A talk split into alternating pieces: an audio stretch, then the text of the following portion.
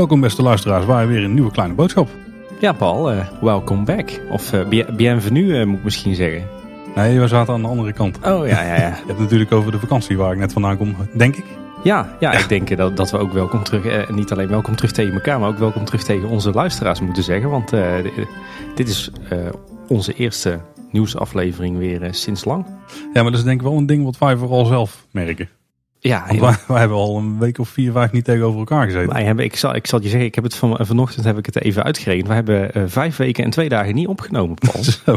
Ja, gelukkig hebben onze luisteraars er dan weinig van meegekregen. Tenminste, ze weten het wel. Maar die hebben geen aflevering hoeven missen. Nee, precies. We hadden, we hadden iedere week natuurlijk een onderwerpaflevering klaarstaan. Maar eh, misschien dat ze onderweg toch wel gedacht hebben van... Eh, dit zijn wel onderwerpen die we eigenlijk bij Kleine Boodschap hadden willen horen. De reden dat we natuurlijk eh, even uit de lucht waren...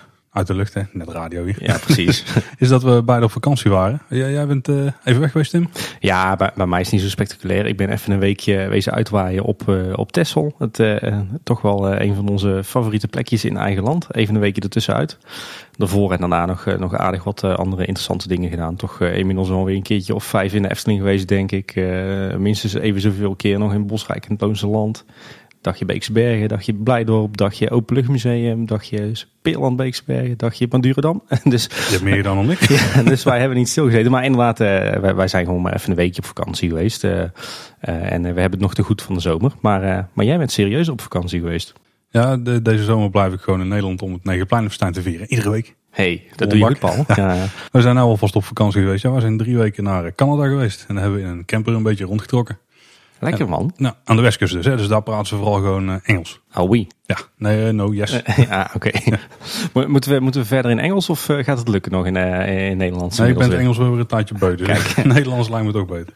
Maar een goede vakantie gehad? Ja, zeker. Ik, ik zat erover na te denken. Ik weet niet of luisteraars interessant vinden. Het lijkt me niet dit de plek om daar heel diep op in te gaan. Maar ik kan eventueel een mini-afleveringetje opnemen die we even als bonus ergens wegzetten of zo. En dan kan ik daar wel meer over vertellen. Voor mensen die interesse zouden hebben in een camperreis richting Canada, heb ik in ieder geval tips. Dat is goed. Zal, zal ik dan gewoon die, diezelfde aflevering aanschuiven en, en tips van Tessel? Uh, ja, lijkt mij prima.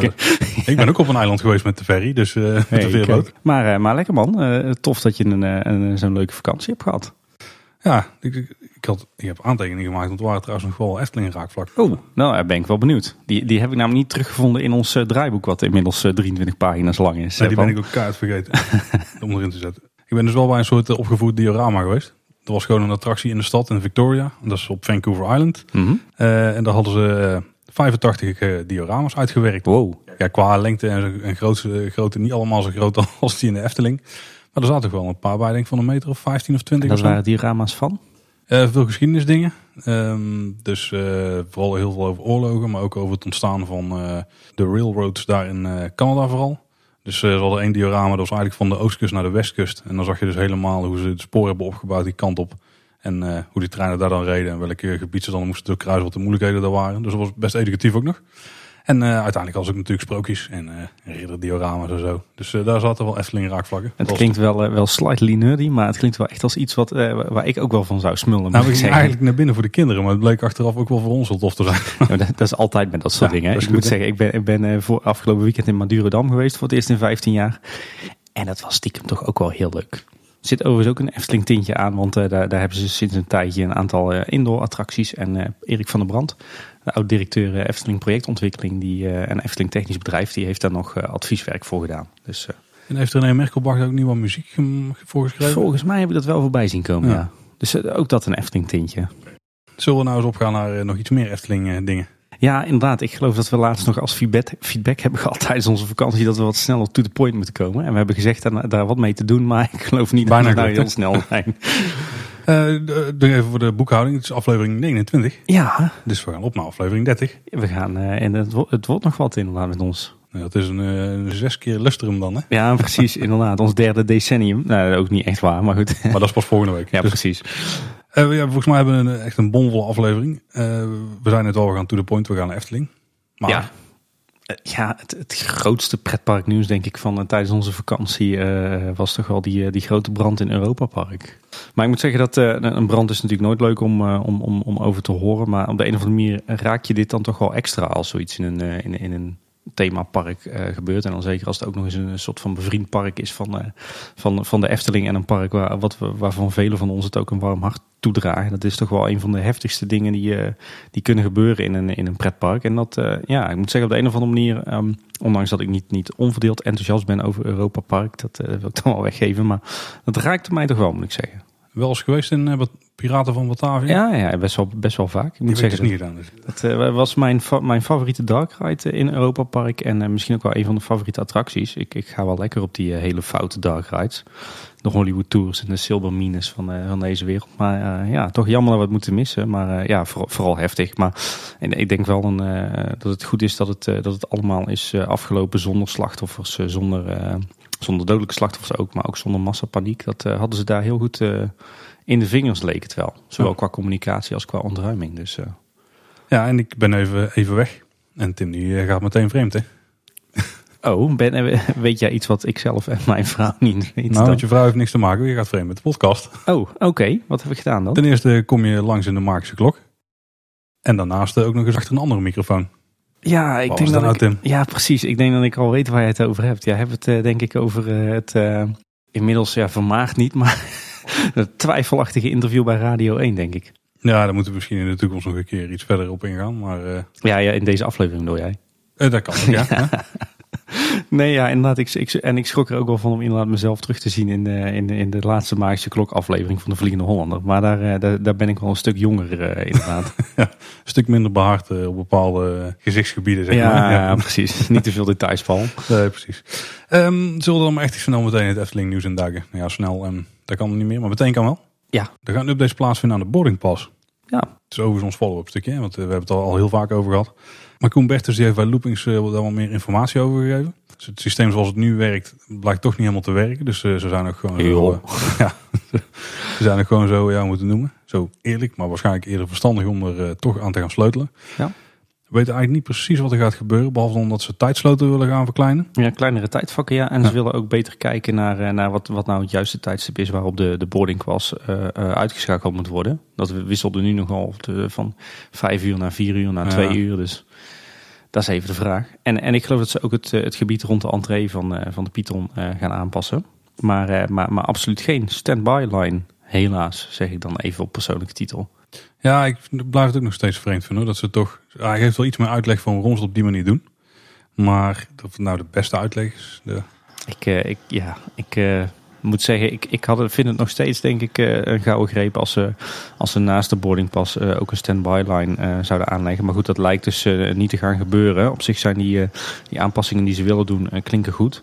Ehm, maar ik denk inderdaad dat, dat er toch nog meer moet worden gedaan aan de opvoeding van de bezoeker. Misschien wat aan signing in het gebied.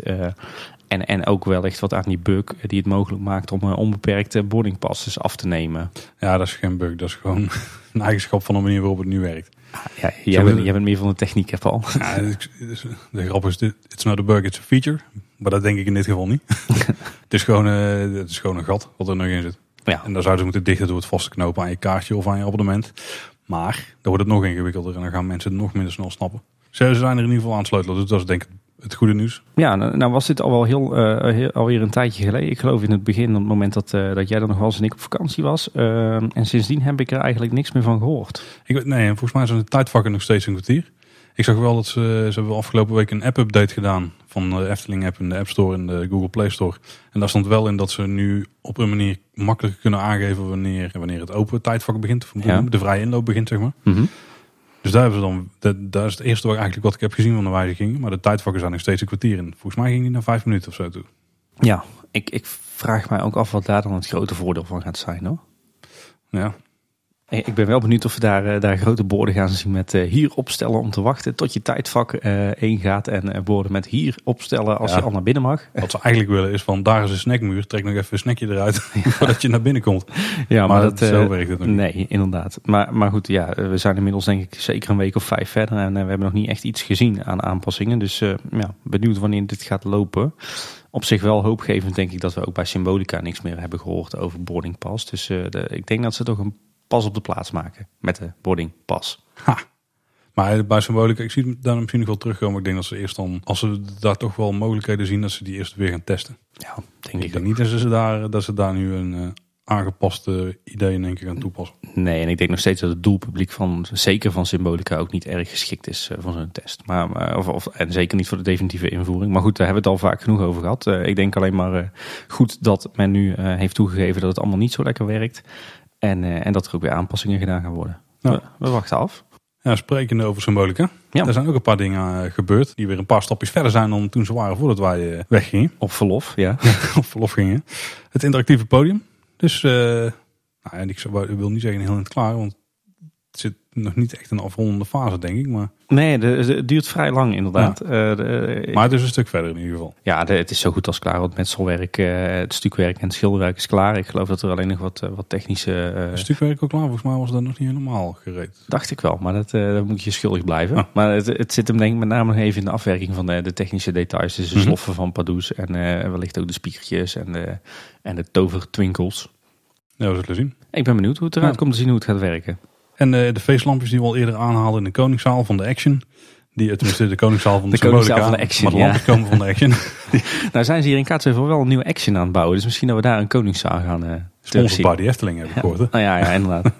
maar die, uh, die lampjes die, ja, die werken nu. Hè. Zoals we toen al aangaven. De, we hadden verwacht dat daar een soort looplichteffect of zo in komt. en dat is inderdaad het geval. Als Pardoes een toverspreuk uitspreekt. Illumina Fantasia, vermoed ik. Uh, geef je daar gebruik je fantasie misschien? Oh. Oeh, zal kunnen. In ieder geval dan begint vanaf de centrale kroonluchter, dan lopen we eigenlijk vanaf daar de lampjes naar buiten. Lichten ze steeds op. Dus uh, ja, het is, beter, het is beter dan dat ze gewoon er hingen. Ja. Maar dat de lampjes er hangen, ja, ik weet het niet. Ja, ik vind een beetje, het een beetje midzomernacht meets barbecue meets hm. het feestje bij buurman Henk. Nou ja, voor het feestje van buurman Henk, die hangt er niet zo netjes op, denk ik. Maar ik snap wel een beetje wat je bedoelt. Ja misschien een makkelijke manier om daar proberen meer, te, van, meer van te maken, maar of dat echt geslaagd is. Ja, ik denk dat de gedachte was van uh, we willen benadrukken dat hier een feestje plaatsvindt, maar ik denk niet dat een feest in een koningszaal snel dit soort lampjes zou bevatten. Een symbolica misschien wel. Ja, dat is waar. Gebruik je van Ja. Speciaal voor Mark trouwens weer geluidseffect op de achtergrond. Ja, precies. Daar is die weer. Hashtag wow. vaatwasser.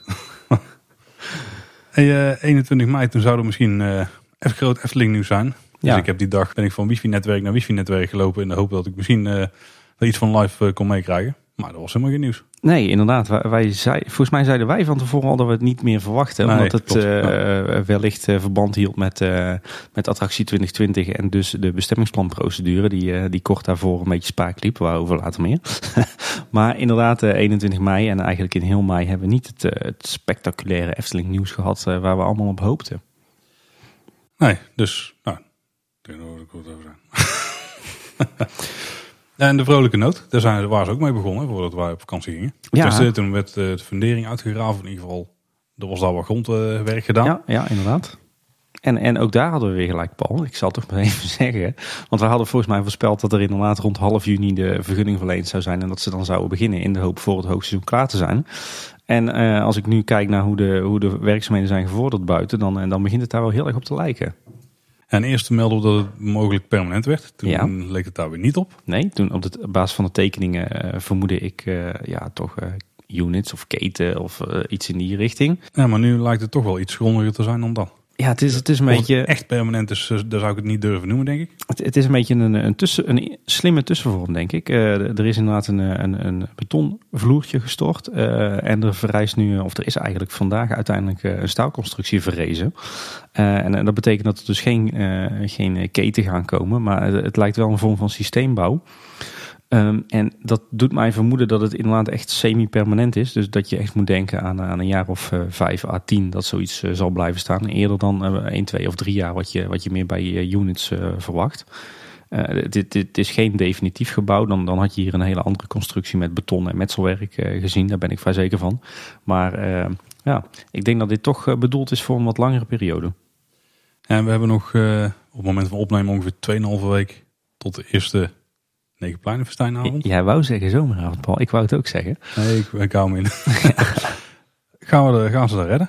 Wordt krap, denk ik. Dat wordt heel krap. Uh, aan de andere kant, we hebben het al vaak gezegd, de Efteling en bouw en planning, dat, uh, dat, dat levert af en toe stukjes op. En als ik zie dat nu uh, de, de staalconstructie staat, dan denk ik dat dat wel zou moeten lukken. Dan moet je denken aan, denk ik, een, een, dat er een week gewerkt gaat worden aan, aan de wanden.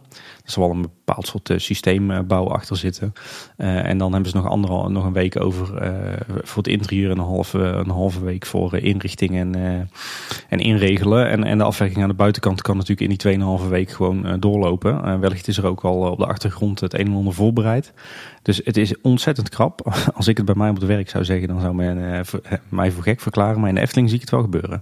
Oké, nou we zullen zien. Ja, ik denk dat de Efteling er alles aan is gelegen om dit uh, klaar te hebben voor het uh, zomerseizoen. Dus, uh, ja, zeker. Nou. Ja, er was ook weer nieuws in onze vakantie over de, het recroduct. de, de omschrijving waar wij zo onze vraagtekens bij hadden. Nee, het, de, zeg maar de natuurbrug ter hoogte van wat wij inmiddels weten, de televisietoren, de oude tv-toren bij Loon op Zand. Um, die, het is de bedoeling dat hij er uh, gaat komen over een aantal jaar. Uh, en, en hij is eigenlijk onderdeel van het plan van de Efteling om de natuur te compenseren. Die sneuvelt uh, als het zeg maar de wereld van de Efteling wordt, wordt ten uitvoer wordt gebracht. Dat was een, een slimmigheidje denk ik met, met zeker ook voor de natuur grote meerwaarde. Uh, inmiddels uh, hebben een aantal partijen een intentieovereenkomst gesloten. Uh, de Efteling, Natuurmonumenten, de gemeente Tilburg en de provincie Noord-Brabant. En daarmee hebben ze eigenlijk een akkoord gesloten dat ze dus inderdaad dat recroduct gaan realiseren. De Poort van Pauwels gaat dat heten. dat is vernoemd naar het landschapspark Pauwels. En dat is dan weer vernoemd naar, naar een of andere kasteelheer die daar volgens mij in de, rond 16, 1700 een kasteel had nabij Loon op. Uh, maar goed, dat terzijde. Uh, en en de, de overeenkomst die is gesloten is dat men dus gezamenlijk uh, het reproduct gaat realiseren, mits het geld binnen is. en het gaat om een bedrag van 5 miljoen in totaal. Ehm, de Efteling heeft al wel een aantal stappen daarvoor gezet. de Efteling heeft de grond aangekocht voor het reproduct. De, de, grond aan de ene zijde van de snelweg, de N261, die is al in eigendom van Natuurmonumenten. En de Efteling heeft de grond voor de tv-toren gekocht. Het gaat om wat, wat akkers en een boerderij. Um, en dat betekent dat, uh, dat daar de haalbaarheid uh, ja, zeg maar van het reproduct wel verhoogd is. Um, en ik had eerder zo, uh, deden er een beetje lacherig over, hè, 5 miljoen voor zo'n zo'n reproduct. En dan de combinatie dieren en mensen, dat kan nooit goed gaan. Was, is ieder geval iets wat ik tegen ben gekomen bij de voorbereidingen voor, voor mijn eigen ecoduct. maar door, door luisteraar Olaf werden we gewezen op een rapport van de Universiteit van Wageningen. dat speciaal is opgesteld voor dat reproduct. Uh, en dat heb, heb, ik eens uitvoerig doorgenomen. En, en, dan zie je dat er ontzettend goed is nagedacht over die combinatie van recreanten en, uh, en natuur. En dat er ook voor die 5 miljoen heel wat meer gebeurt dan alleen ja, een brug. Um, ik denk dat we gewoon even naar moeten linken in onze show notes. want het, het, het, is een te uitgebreid stuk om, om helemaal te, te gaan vertellen. Maar ik, ik moet zeggen, ik vond het interessante lectuur. Ik denk nog steeds, als ik voor 2 miljoen een, eh, een, eh, een kan bouwen bij de Belgische grens, dan, eh, dan zou me dit voor, voor een miljoen minder dan die 5 miljoen ook wel moeten lukken. Maar het is een goed plan. En ik, was, ik, ik zit inmiddels drie jaar in die materie. En ik moet zeggen dat ik erg onder de indruk was van, ja, van het, de diepgang van het rapport. En, en, en de rijkwijde van het ecoduct. In de zin dat het niet alleen een, dat ecoduct wordt, maar dus ook een hele structuur van afrasteringen en, en kleinere faunapassages in het gebied. En aardig wat diersoorten, uh, amfibieën, reptielen die erbij gebaat zijn.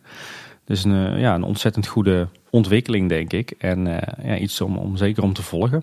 En ja, ik denk nog steeds dat, dat het op zich prima is dat de Efteling zegt van... joh, we gaan die, die natuur die we rond ons park verliezen... gaan we gaan op een andere plek compenseren waar die veel meer meerwaarde heeft. En dat zou hier zijn. Dus ja, positieve ontwikkeling.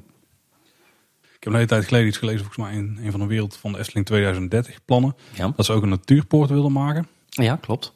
Maar eh, dat is niet, jij zegt 5 miljoen hè, voor zo'n uh, voor zo'n project. Maar zit daar zit zoiets er ook bij of zo? Dat zat daar, dat zat daar niet in, nee. Ik vraag me nog steeds af wat dat dan is, want daar heb ik verder eigenlijk nooit meer iets over gelezen. Maar... Dat, dat is een oud plan. Dat zou eigenlijk ter hoogte van, um, uh, zeg maar, het, waar nu het tankstation is. Ja. Dus de, uh, en Café de Efteling eigenlijk. Uh, daar zou een natuurpot komen. Dan moet je denken aan een, aan, aan, een combinatie van een restaurant met grote parkeerplaatsen en een soort van bezoekerscentrum en wellicht ook een winkeltje. Um, uh, wat, wat, dan zeg maar het, uh, ja, het verzamelpunt zou moeten zijn voor recreanten uh, in de, de Loonse Drunense Duinen. En dan kun je over de twee fietsbruggen kun je dan... Kun je het Nationale Park in, ja, ja inderdaad. en dat zou dan een, een ontwikkeling zijn van natuurmonumenten en de Efteling. maar ik heb het idee dat die in de koelkast is beland. zeker nu een aantal andere horecagelegenheden in het gebied natuurpoort zijn geworden. Denk aan de Roestelberg. Mm -hmm. dus die plannen die zijn, die zijn geschrapt. Uh, en, en die zitten ook niet meer in het bestemmingsplan. Want, uh, want de plek waar, waar die natuurpoort voorzien was, uh, is nu nog steeds Café de Efteling. En, en voorzien als parkeerplaats inderdaad. Ja. De parkeerterrein is er in ieder geval. Er is ook een soort van café, maar er is geen café meer. Nee, dat staat leeg inderdaad. Dus de plannen zijn een beetje half toch, stiekem. Overigens zou dat wel slim zijn hoor. Want uh, er is nu natuurlijk een extra parkeertreintje gepland voor verkeer komende vanuit de richting Tilburg. Dat zou natuurlijk ideaal zijn voor een stukje dubbelgebruik. Hè? Normaal gesproken als, uh, als startpunt uh, voor mensen die de Loonsdoenische Duinen in willen. En op hele drukke avonden, als er toch niemand meer, of bijna niemand meer in het bos is, zet je daar je Efteling auto's neer. Maar goed, dat terzijde. Ja. Het gaat niet gebeuren. Andere ontwikkelingen op het punt we al hebben aangehaald. De wisselstroken die op de Europalaan komen te liggen. De wesselstroken? Ja, nou, het waren ooit een soort van wesselstroken. Ja, precies. Daarover dadelijk. Wederom meer. We ja. teasen heel deze aflevering kapot. Je bent zo'n teaser. Ja. Nee, de wisselstroken op de Europalaan. Ja. Daar zijn ze inmiddels mee gestart met de, de, de werkzaamheden daarvoor. Ja, 11 juni uh, is er gestart inderdaad. Uh, inmiddels een paar dagen geleden door, door BAM Infra. En uh, die gaan de Europalaan aanpakken op basis van wat ze dan UAVGC-contract uh, noemen. Okay. Iets waar ik heel erg thuis in ben, maar de rest waarschijnlijk van onze luisteraars niet. Uh, dat betekent dat zij het ontwerp hebben gedaan, nu gaan bouwen en de komende 15 jaar onderhoud plegen. Er hebben daar een aantal artikelen over in de Duincourier gestaan. Eerste twee artikelen, twee weken na elkaar, waar echt totaal geen kaas van te maken was. Echt heel slecht, maar deze week stond er ineens een heel groot en duidelijk artikel in. Uh, en daaruit blijkt dat nu in de maand juni dat, er, dat de Europalaan wordt uitgebreid. Dus die wordt breder, komt dichter richting de Efteling te liggen. de, de, de rechtsafverkomende vanuit Dongen die wordt gemaakt. En, en, en dus met name dat asfaltwerk. in het hoogseizoen wordt er dan gebruik gemaakt van tijdelijke voorzieningen om, om al in wisselstroken te voorzien. dat doen ze met, met tijdelijke borden en met verkeersregelaars. En na de vakantie worden dan de definitieve ja, oplossingen aangebracht. En dan moet je denk ik denken aan portalen met matrixborden en wellicht dynamische bewegwijzering ook in het wegdek. Daar, daar zal wel een te lange levertijd op gezeten hebben. En uiteindelijk in 2019 uh, komt er dan uh, ter hoogte van de oversteek van de, van de Horst, waar het Efteling Hotel nu staat, komt er een tunnel voor voetgangers en fietsers. En gaan er ook nog flink wat aanpassingen plaatsvinden aan de N62. Maar, maar die Europalaan met uh, drie stroken heen en één terug in de ochtend en drie stroken terug en één strook heen in de, in, in de namiddag, die, uh, ja, die wordt uh, in de maand juni aangelegd en straks in september wordt die afgerond. En ik las een paar dingen die me daarbij niet helemaal duidelijk waren, toch? ze gingen ook de inrit naar de Efteling toe verbreden. De bedoel is dan het punt waar je de parkeertrein oprijdt? Ik ja. denk het wel. Ja, klopt. Maar is dat nodig? Want eerst naar drie stroken of zouden ze dan iets sneller de doorstromen hebben? Ik denk, ik denk die is nu vrij krap als je met drie ja. stroken gebruikt. Ik denk dat, die, dat ze die inderdaad iets breder aanleggen, ja. ja. Er werden vijf bomen gekapt. Ja, viel mij heel erg mee. Ik dacht eerlijk gezegd dat alle bomen langs de Europalaan, uh, als je zeg maar het gedeelte vanuit Dongen uh, komt, uh, dat die allemaal oh, zouden, ja, dat die allemaal zouden verdwijnen. Maar uiteindelijk hebben ze het zo voor elkaar weten, weten te krijgen dat ze die, die nieuwe rechtsaf of die rechtsafstrook. Ja, ik denk dat allemaal gewoon maar een enkele strook is. Hè? Ja, die, die, maar die, die leggen ze dus niet strak, zeg maar krap tegen de, tegen de bestaande weg aan, maar die leggen ze rechts van de bomen. Uh, dus, dus die rij bomen die er nu staat, die blijft grotendeels staan. En de strook wordt er zeg maar tussen die rij bomen en het hek van de Efteling ingeperst. Dus dat doen ze heel netjes. Daardoor uh, blijft het groen grotendeels gespaard. En wat ook opviel, uh, de reclameborden die gaan verdwijnen die er nu hangen. Ja, van die, van die billboards in de, ja. in, in, de lantaarnpalen. Waar dus ooit de loopingsreclame op heeft gestaan. Ja. Vandaar de wesselstroken. en die, die gaan dus verdwijnen. Ik denk op zich wel, wel prima. Ik denk dat de Efteling er ook heel blij mee is. Ja, dat was nogal rommelig, hè, moet ik zeggen. Ja, maar de, de, ook, ook een beetje cheesy. Ja, precies. Ik noem de Efteling wel smaakvol. En dit is dan iets van die punten wat je daar dan liever niet bij hebt. Hè? Niet associatie nee, nee, hebben van die knipperende gauwwokken in loon op zandborden en zo. Nee, ik denk dat dadelijk met die rode kruisen en groene pijlen al, uh, al uh, ja, verwarrend uh, genoeg opletten, wordt. Misschien. Ja, opletten voor de mensen. Aan de andere kant, Europa Park heeft zo'n heeft zo'n zo'n systeem al en dat werkt prima. Ja, maar daar heb je wel een iets uh, minder drukke omgeving, zeg maar. Daar ja, ja dat is een, een plak asfalt in het weiland, ja. Overigens, als ze hier dan toch bezig zijn, en een puntje voor, ook voor detail misschien, of uh, dan hoop ik toch wel dat het oude bord terugkomt met die, met die koets, met, uh, met, met, met die strook mensen erachteraan en daaronder dat pijltje naar Efteling. Dat we die toch weer ergens terug gaan zien. Ik denk dan dat ze de bushalte, dat ze die tijdelijke bushalte, of tenminste, de ooit bushalte die er nog zit, dat ze die dan misschien gaan opruimen. Dat, dat, is, dat, dat is geen bushalte, hè? Niet meer, nee. Nee, dus het is ooit bedoeld als, uh, als uh, soort van monumentje voor de, de allereerste ingang van de Efteling. Aan de rechterkant? Ja. Serieus? Ja. kijk maar eens naar, uh, kijk maar eens als je eronder gaat staan of je, of je kijkt vanuit boven, dan zie je dat het exact op de, de plek waar, uh, waar de allereerste ingang van de Efteling was, aan de Parklaan, dat op exact die plek uh, dit, dit rare ja, glazen, zeg maar, glazen geheel in, in de geluidsmond zit. Ja. En het dak is ook een pijl. Oké. Als een, een soort driehoek die richting de Efteling wijst. Kijk, er zijn de feitjes waarvoor je naar ons luistert. Precies, dus dat, de, die bushalte waar iedereen het over heeft, die nooit bushalte is geweest, dat is eigenlijk gewoon een soort van, ja, een soort van knipoog in die geluidswal uh, op de exacte locatie van de allereerste entree van de Efteling. Oké. En ik denk dat die gewoon blijft hoor. Ja, daar ga ik dan wel van uit. Ja. dat het verhaal erachter is. Ja, en uh, ja, er staat meer informatie op de website van de gemeente Loon op Zand. Er staat uh, onder meer een PowerPoint uh, de, van, van een presentatie die ooit aan de, aan de buurt is gehouden met wat tekeningen en een verslag. Ik zag het inmiddels ook op, op Teampark, maar we zullen het ook in onze show notes zetten. Maar het was wel leuk om te zien dat na ons uh, beklag op Twitter dat, uh, dat het artikeltje echt ongelooflijk onduidelijk was. Dat er uiteindelijk toch een heel duidelijk art, uh, artikel in de krant kwam. Dat zal de reden zijn geweest. Dat kan niet anders. Dus laat ik het zo zeggen, als ik zo'n zo'n uitleg over een van mijn projecten in, het, in ons lokale krantje had gezet, dan had ik toch bij mijn, bij mijn baas mogen komen. Maar uiteindelijk is het gelukkig netjes hersteld. We blijven nog even in de gemeentelijke of in ieder geval overheidelijke sferen. Ja, want er is uh, weer een bestemmingsplanwijziging aangevraagd. En ditmaal voor de F62, dus de fietssnelweg. Ja, klopt. Die van Noord uh, naar Zuid langs de Efteling komt te lopen. Ja. Waar ook het tunneltje waar je het net over had. Precies. Uh, onder de Europalaan door. Ja. waar die ook onderdeel van gaat uitmaken. Ja, dit is wel even een andere. dit is geen nieuw bestemmingsplan, want er moet gaan komen voor een gewijzigd bestemmingsplan. Maar dit is eigenlijk een, een, een, aanvraag om iets te bouwen in afwijking van het bestemmingsplan. En dat kan met een veel kortere procedure dan, dan de bestemmingsplanprocedure zoals we die kennen voor de wereld van de Efteling. Hoor, weet je wat er gaat gebeuren? Want daar, heb ik me niet in ingelezen. Uh, nou ja, er wordt de fietsnelweg aangelegd hè, vanuit Tilburg Oh, dat is gewoon voor het hele traject. Ik ja. denk dat zijn misschien die plannen daarvoor zijn gemaakt. Nee, nee, nee. Okay. ja, dit, zijn, dit, dit is uh, ja, zeg maar voor, de, voor het gedeelte op de, de grond van de gemeente Loon op Zand. Oké. Okay. In de voorgaande aflevering hebben we het gehad over het tuintje van Villa Volta. Ja. En uh, blijkbaar hadden we daar niet heel goed opgelet alle keren dat we er zijn geweest de afgelopen tijd. Nee, je ging toch de mist in. ja. Wat dan weer ideale omstandigheden zijn om bij Villa Volta in de tuin te staan. Maar goed. En dan, en, maar dan zie je het ook niet. Nee, dat is waar. Maar Sven Nibbeling die uh, tweet aan ons. Het gras aan de voortuin van Villa Volta is al jaren geleden verwijderd. En die asymmetrische grindpaden lagen dus al langer. Tot voor kort lag er binnen de perken ook grind met dorre rotsplanten. En dat is nu vervangen door rozenstruiken. Dus in dat opzicht is het wel verbeterd. En Ramon, die, uh, onze derde... Uh, onze stiekem verslaggever, ja. Die uh, meldde nog, ah ik begreep al niet waarom Tim over het maaien van gras begon in een respons op mijn tweet ligt er al jaren geen gras meer. Ja, jongens, uh, excuus. Dit was uh, mijn fout. Jullie hebben helemaal gelijk. Er lag daar inderdaad al een soort van vetplantentuin. En ja, het, uh, inderdaad, deze rozentuin is absoluut een, een vooruitgang. aan de andere kant vind ik nog steeds dat er bij zo'n statige villa... dat er eigenlijk gewoon een strak grasveldje hoort. Maar goed, de rozentuin kan ik ook inkomen. Ja, het moet nog een beetje groeien. Hè? Dat is vooral denk ik het punt daar. Ja, precies. En op wel meer plekken in het park natuurlijk. Ja.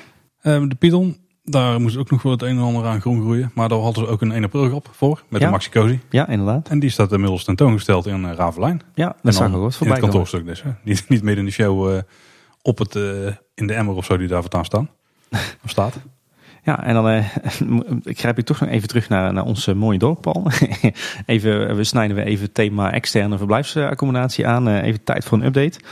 Uh, de oude brandweerkazerne hier bij ons in het centrum. Hier op een steenworp afstand, om het zo te zeggen. Als je flink gooit, dan lukt dat, ja. Ja, precies. Dat zou ooit een bed and breakfast worden. Maar dat wordt nu een, een, een kleinere gastenverblijf, gerund door, door jongeren met autisme. Ik denk een mooie, mooi voorbeeld van maatschappelijk verantwoord ondernemen. En er komt een barbecue speciaalzaak in. Heeft niks met, met toerisme te maken, maar toch. Als uh, dan kun je barbecue materiaal kopen en zo. Ja. Ah, jammer. Want? Ik had liever een barbecue restaurant gehad. ja, ik eigenlijk ook wel. Ja. Ik, uh, ik zie mezelf nog niet heel erg veel barbecue hier. Dan moet je Efteling dan maar doen. Ja, precies. Uh, en in het, het oude politiebureau, waar ook ooit een hotel zou uh, gaan komen, daar blijkt nu dat daar de, het kantoor wordt van een aantal verschillende scholengemeenschappen worden. Oh. die komen daarin. En uh, de bouw van het Landelpark Kaatsheuvel. Uh, ja, ook niet uh, onbekend, Paul. Nee, dat, die is inmiddels begonnen. daar is begonnen aan een eerste fase met 41 vakantiewoningen.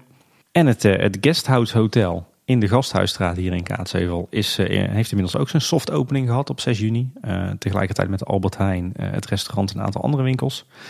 En ja, die binnenkort, ik geloof eind juni, wordt die officieel geopend ook. En ik moet zeggen dat dat, dat blijf ik toch een, een bijzonder indrukwekkende en, en uh, unieke ontwikkeling vinden. Ja, ik reed net langs en het ziet er echt eh, super netjes uit. Je kunt vanaf straat trouwens ook echt heel makkelijk naar binnen kijken. dus, eh, Ja. zeg maar de lobby en het restaurant ziet er echt, eh, ja, ziet er echt gewoon heel goed uit. Ja, ik, ik ben, ik ben eh, een- misschien niet heel makkelijk te, te pleasen, maar dit is toch van een, eh, van een niveau, zowel qua, qua uitwerking als architectuur, als, als überhaupt het hele idee dat eh echt onkaatsheuvels is. Dit, dit zijn initiatieven die verwacht je in Amsterdam eh, en in andere wereldsteden en eh, niet, eh, niet in de Gasthuisstraat in de Cats. maar dat is alleen maar mooi. Ze, ze richten zich eigenlijk volledig op, het, op de Efteling bezoekers die niet bij de Efteling zelf willen overnachten en dan vooral ook eigenlijk buitenlandse gasten. Dus ik denk dat dit een super initiatief is. En ook niet zo gek, want de man erachter, Koen Schelvorst, die is jarenlang bij de Efteling werkzaam geweest. Met name ook in verblijfsaccommodatie. Dus ja, super. Ik denk mensen die, die, die er meer geïnteresseerd zijn dan Efteling alleen, loop ook eens het, ons dorp in. En ga Ah. Ook eens op bezoek bij eh, het Guesthouse Hotel. Je kan er ook eh, goed eten. Met, eh, met voedsel van de Albert Heijn dat anders zou worden weggegooid. Dus dat is ook alleen maar mooi. En ga er zeker eens kijken. En niet alleen dat, ik heb ook begrepen van de milde dictator dat als je met een grote groep komt, dat dit een van de meest logische opties is. Financieel technisch gezien. Oké, oh, dat, eh, dat Die had het helemaal uitgezocht. Volgens mij ging met een groep van 16 man of zo, of 20. Volgens mij 16. En dan zijn die grote accommodaties bij Bosrijk zijn dan net niet, die zijn of net te klein of veel te groot. Ja. En dan was dit was een mooie, ja, een mooie, mooi alternatief. Ja, nou, ik denk dat het alleen maar mooi is dat, eh, dat, dat de, de externe eh, verblijfsaccommodaties de, de, eh, niet concurreren met de Efteling verblijfsaccommodaties, dat elkaar aanvult. Ja, sowieso. Hè. Als je dus een keer deze kant op komt en je bent al in Bosrijk of het Loonse Land geweest, dan zijn dit natuurlijk ook mooie, Ja, zeker. mooie locaties Ja, om even ja, naar te kijken. Ja. Ja, we hebben het ook gehad over de speelhoek van Bosrijk. Ik ben daar toen volgens mij een paar dagen naar de rand geweest. Ik kon niet echt iets nieuws ontdekken. Maar Nee, ja, ik ben er vorige week even geweest op onderzoek. en hij is inderdaad vernieuwd. Eh, het, eh, wat was er al veranderd? Want, eh, je hebt nu, nu is de basis eigenlijk met name een heel groot tv-scherm. Dus je, Ja, je kan je daarvan afvragen wat daar, of dat echt kwaliteitsverbetering is. Nee, er, er hangt nu een heel groot tv-scherm en er hangt een soort van speelbord aan de muur en een lachspiegel. En, en, en er staan wat krukjes, dus het is heel basic. Ehm, kan absoluut niet concurreren met de speelhoek bij het Loonse Land. Maar het, het ziet er wel fris uit. Daarvoor was het echt een beetje een, een suffig, muffig hoekje. En, dus een verbetering. En eh, eh, last but not least, denk ik, eh, qua follow-up is eh, de, de, de echte glazen behorende bij het, het biertje het verdiende loon zijn nu ook beschikbaar. hoppatee, voor Ja. in de collectie, Tim. Ja, ik, ik moet zeggen, ik ben, ben toevallig gisterenochtend nog in het Loonse Land geweest. Ik, ik werd al begroet met, daar, daar heb je onze vaste gasten weer. dus, dat is misschien ook zorgelijk. Maar ik heb er helemaal niet aan gedacht om een glas te kopen. Nou, die kans krijg je nog wel vaker, denk ik. Eh hashtag nepfan was dat. Nou, dat valt in dit geval. Kan ik jou wel eh, door de vingers zien. Oké, gelukkig. Hey, we hebben ook echt grote nieuwsdingen. Hebben we nieuws? Ja, er is een beetje nieuws. Heel veel van het follow-up was ook stiekem gewoon nieuws natuurlijk. Het is, het is niet in één keer eigenlijk geval, dit nieuws. Maar er zijn meerdere tegenslagen geweest eh, rondom het bestemmingsplan. Rondom, vooral rondom de procedure daar. We hebben het in het verleden wel eens gehad hè, over de bezorgde burgers. De Maar we vegan-burgers. hebben het in het verleden wel eens gehad over het bestemmingsplan. Maar ik geloof dat dat wel duidelijk is. Ja. Die hebben we ook wel aangehaald. Ja. En over eh, het... eh, ja, ik vergeet steeds de naam. de, de, pakkende naam. eh, de- van de- ja, wat was ook weer? Stichting, Stichting Behoud, Behoud, Natuur en Leefomgeving. Nou, ik zat er, nou, oké. Ik had hem nog redelijk goed in mijn hoofd. Z- Zullen we even een, een tijdlijntje opzetten, Paul? Ja, je hebt, je hebt hier een mooie tijd aan uitgewerkt, dus dat moet ons lukken. Ja, ik, eh, de, de laatste keer dat wij eh Kleine Boodschap opnamen was het eh 9 mei. En toen waren wij heel hoopvol gestemd, omdat eh, de Efteling net had gesproken met, eh, met, met de bezorgde Vega-burgers. Eh, en had toegezegd dat er geen parkeergarage zou komen. En toen was het toch eh, Hosanna in Den Hoge, zo gezegd. Want het leek erop dat, die bezwaren zouden worden ingetrokken. En dat de Efteling volgas door kon met de bestemmingsplanprocedure. Ja, daar leek het op. Maar ik ging naar Texel. Ja, dat moet je ook niet doen, Tim. nee, niet, niet goed voor ik nam de boot, ja. Ja. Op, eh, op 15 mei was die, was die raadsvergadering waarin ook ehm, eh, de bestemmingsplanprocedure werd, eh, werd behandeld. Het kwam eigenlijk omdat er drie insprekers waren. Eh, en, en die bleken toch een aantal punten van kritiek te hebben. Men vond het eh, bestemmingsplan van de Efteling te, te veel omvattend, eh, niet meer te overzien. Er waren zorgen over de luchtkwaliteit. Eh, en wat, waar ik met name van schrok was dat die Stichting Behoud Natuur en Leefomgeving maar liefst 74 puntjes had. eh, van bezwaar. En blijkbaar dat eh, advocaat Wolf, eh, die ik tegenwoordig associeer met eh, de Wolf uit de Sprookjesboom-serie, dat hij dat is ook allemaal had ingediend als bezwaar. Eh, er was wel een eh, kritisch gemeenteraadslid wat eh, de vraag stelde van ja, waarom zijn jullie nou in vredesnaam zo laat hiermee? Eh, maar daar kon hij geen antwoord op geven. Maar dat was natuurlijk omdat ze hadden liggen slapen. Ja. En misschien moeten we hem even een boekenbon sturen of zo. eh, Of een hart onder de riem steken. O, overigens werd ik hier, zijn voorbij, dus. ja, nou, overigens werd ik hier eh, nog niet heel zenuwachtig van. Alleen vond ik het wel raar. Heel veel van die insprekers kwamen met de, met, met de suggestie van eh, knip het plan nou in, in stukjes. Eh, en, en dat werd ook overgenomen door, door een aantal Efteling-liefhebbers van doe dat maar, dan eh, gaat het er snel door. Maar ja, het is natuurlijk raar, want het, het, het bestemmingsplan wijzig je juist om de komende decennia door te kunnen. Ja, en er moeten nog steeds gewoon eh, plannen worden ingediend voor alles wat we gaan bouwen. Ja, Daarna. en- ja, inderdaad. En stel dat je nu alleen voor de komende tien jaar het bestemmingsplan zou wijzigen, dan moet je op het moment dat het erdoor is, moet je bijna alweer beginnen met je nieuwe procedure. Iedere keer als die mensen horen praten, dan krijg ik echt het idee dat hun denken dat er in één keer eh, zeg maar een heel gebied wordt volgepland. Dat alles gewoon land uit de lucht en dat in één keer daar een hele nieuwe Efteling naast ligt. Of bij hun voor de deur ligt. Ja, ja wij, zeggen wel, eens- wij zeggen wel eens een tekening lezen is moeilijk, maar dat geldt ook voor een bestemmingsplan, denk ik. Ja, maar dat, eh, kijk, ze, gaan, ze, ze lezen het ding natuurlijk op zo'n manier die hun het allerslechtste uitkomt. Want ze, ze zien alle beren op de weg, zeg maar. Hey, ik had ook beren op de weg gezien op vakantie. Dat is Hey, ja, keivet. maar dat was letterlijk. In Canada. Ja. Ik ben zo jaloers op jou, Paul. De- misschien wel terecht. maar, en ze zien dus in alle, alle dingen die daar staan beschreven, zien ze het meest negatieve wat er maar voor hun kan plaatsvinden. Ja. En ja, zo, zo gaat het in de praktijk gaat het natuurlijk niet. Nee. steeds, ja, we hebben het daar misschien nog wel. Ja, precies, ja. Ja, nou, de- dat, daar werd ik op zich nog niet zo eh, zenuwachtig van. Maar in de week daarna hadden we, eh, kwam er in, eh, in Trouw eh, een krantje, krantje, Kleintje. kleintje uit, eh, uit, eh, uit, uit eh, volgens mij het Amsterdamse. Er kwam een eh, behoorlijk stemmingmakend artikel te staan over eh, de ophef die er in Kaatsheuvel zou zijn. En Ja, dat was toch een beetje, eh, ja, vond ik hoor. Dat, eh, er was van alles met de haren bijgesleept. Het bleek dat de, dat de journalist eigenlijk zich niet goed verdie- verdiept had in de plannen. Nou, en ook was niet de met, problematiek. Met het artikel, ja. Ja, het, het voelde een beetje als sensatiezoekerij. En dan ook een beetje met die hautaine eh, blik zo van... eh, kijk eens wat er in de provincie gaande is. Dat, dat ja, Kunnen wij niet goed hebben. nee. Hey, maar dat was ook nog op eh, de grote tv. Daar was er ook nog aandacht. Ja. Oh, wacht, Langstraat TV zie ik hier. Daar valt al wel mee, hè? Ja, Eh, maar die kun je ook op YouTube vinden. Een interview met Arie Vogels en Louis Laros. Die is van Pro3. Ja. Dat is een van de lokale partijen. Ja. Over, de uitbreidings, eh, over de uitbreidingsplannen. ja, ik vond allereerst, ik heb me echt slap gelachen. En dat was dan niet zozeer Oh. over de inhoud, maar die, die, de man die volgens mij filmde, het geluid opnam en meteen ook journalist en producer was, die, ja, dat was, die man was echt gewoon goud. Die kan gewoon zo instromen in eh, de tv draai door, moet ik zeggen. Dit eh, linkje moeten we maar even opnemen. Ja. ik kan me herinneren dat het ook heel, heel, heel slecht was geknipt en zo. Maar Ja, die, die man die was eh, ongelooflijk. Sowieso sprak hij echt ongelooflijk plat kaatsheuvels. Dat was al schitterend. En eh, bovendien eh, eh, was hij ook zeer negatief over de plannen van de Efteling. En legde die ook eigenlijk de beide heren alleen maar woorden in de mond. Dus dat was nou niet bepaald eh, journalistiek van een goede kwaliteit. Op zich mo- moet ik zeggen, die Arie Vogel, dus de man volgens mij achter die, eh, die, die, de Vega-burgers. Mhm.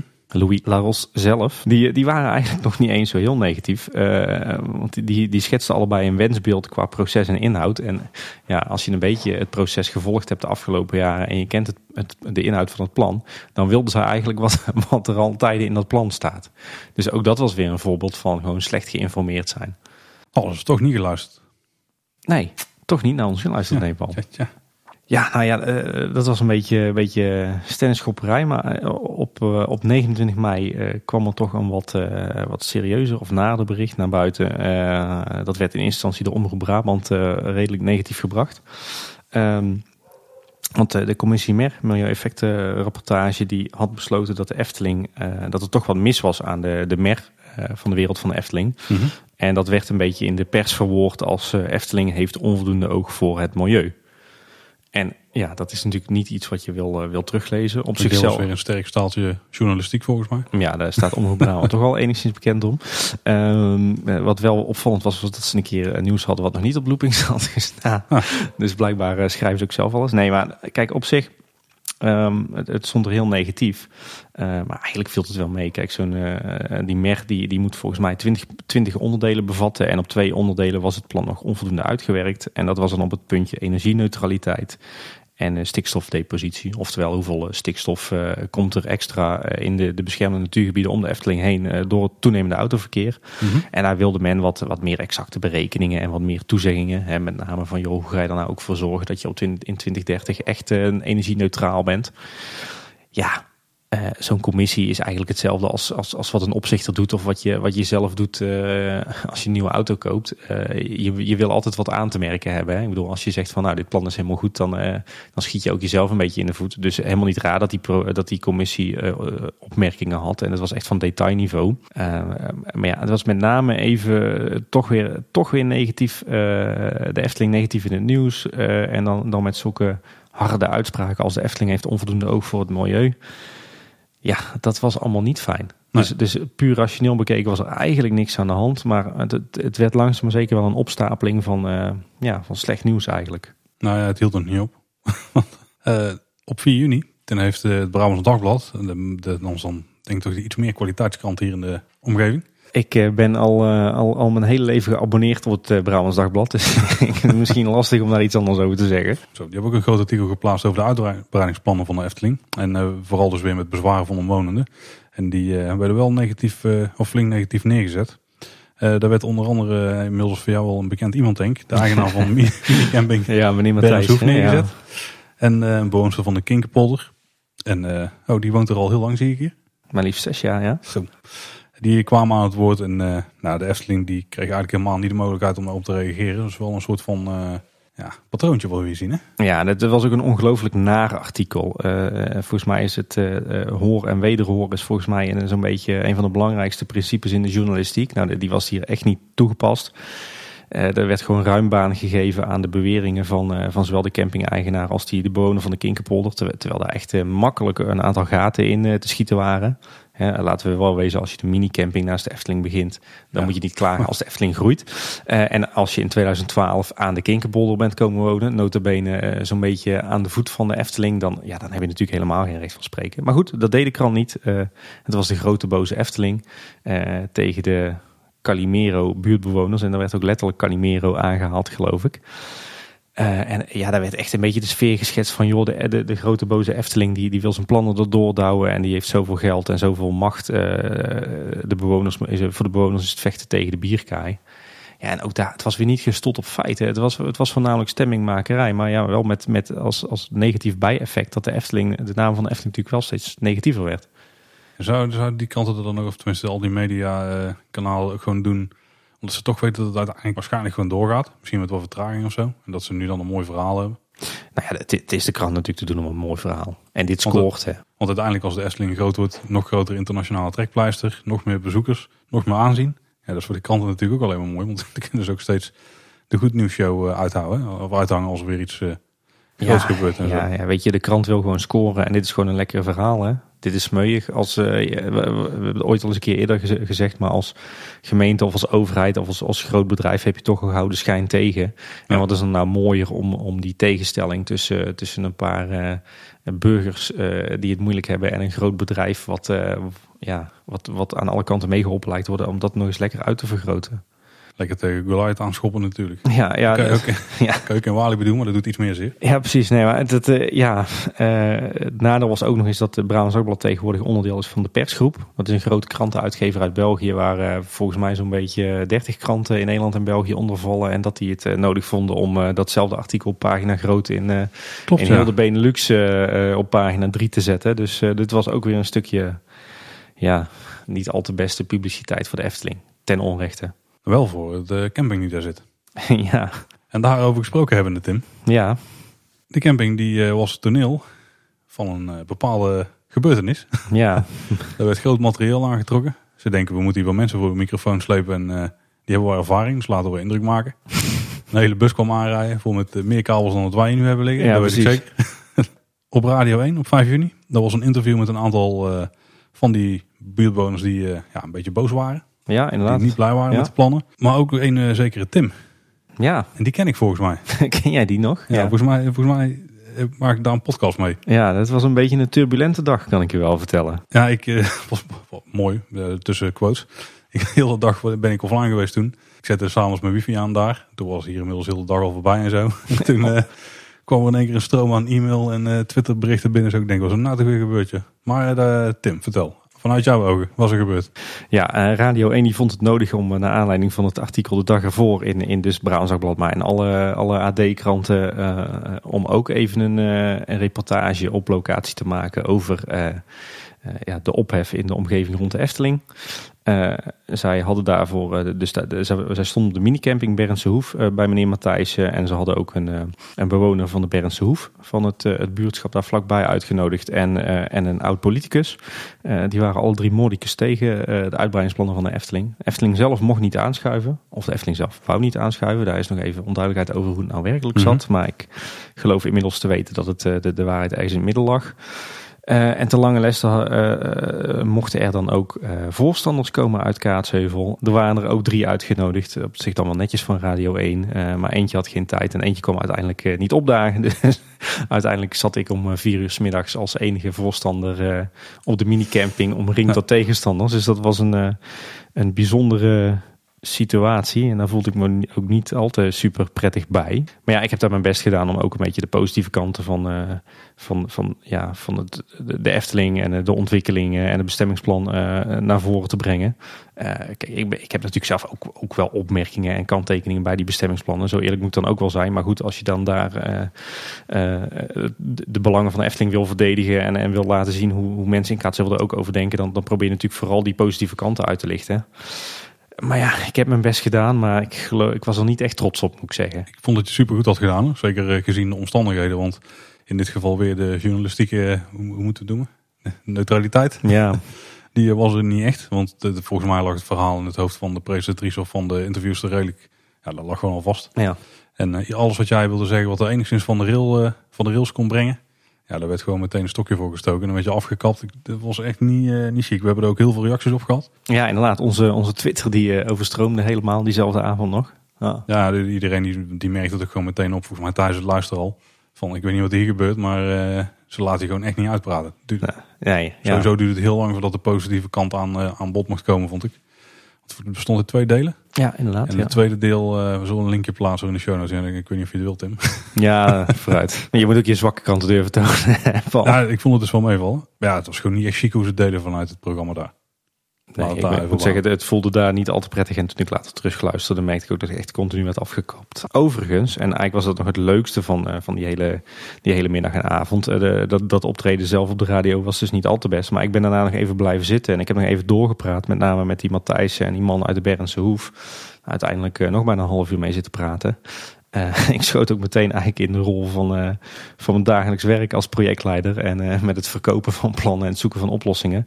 Maar het blijkt dat die bezwaren van die mensen eigenlijk veel genuanceerder liggen dan wat ze in de krant zetten en wat ze op de radio zeggen.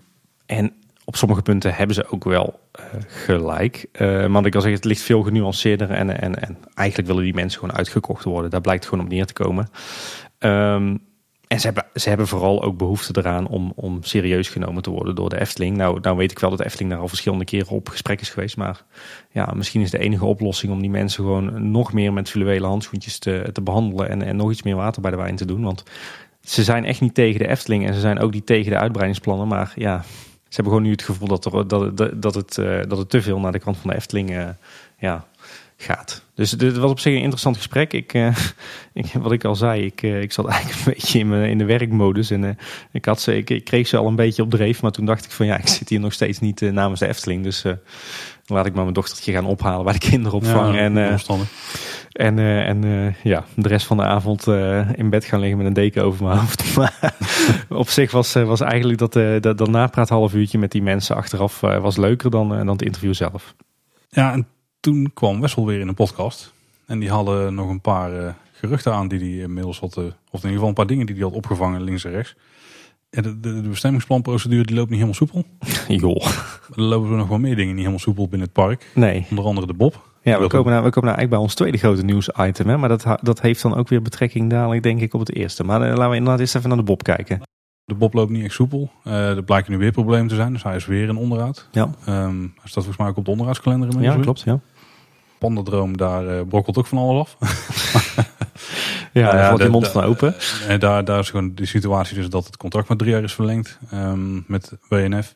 Dus dat er waarschijnlijk ook een einde, einddatum aan zit. Ja. Wessel die had misschien het idee dat ze alle, ja, alle, alle pijlen nou meer gingen richten op uh, het vervangen van wat daar gebeurt. Ja.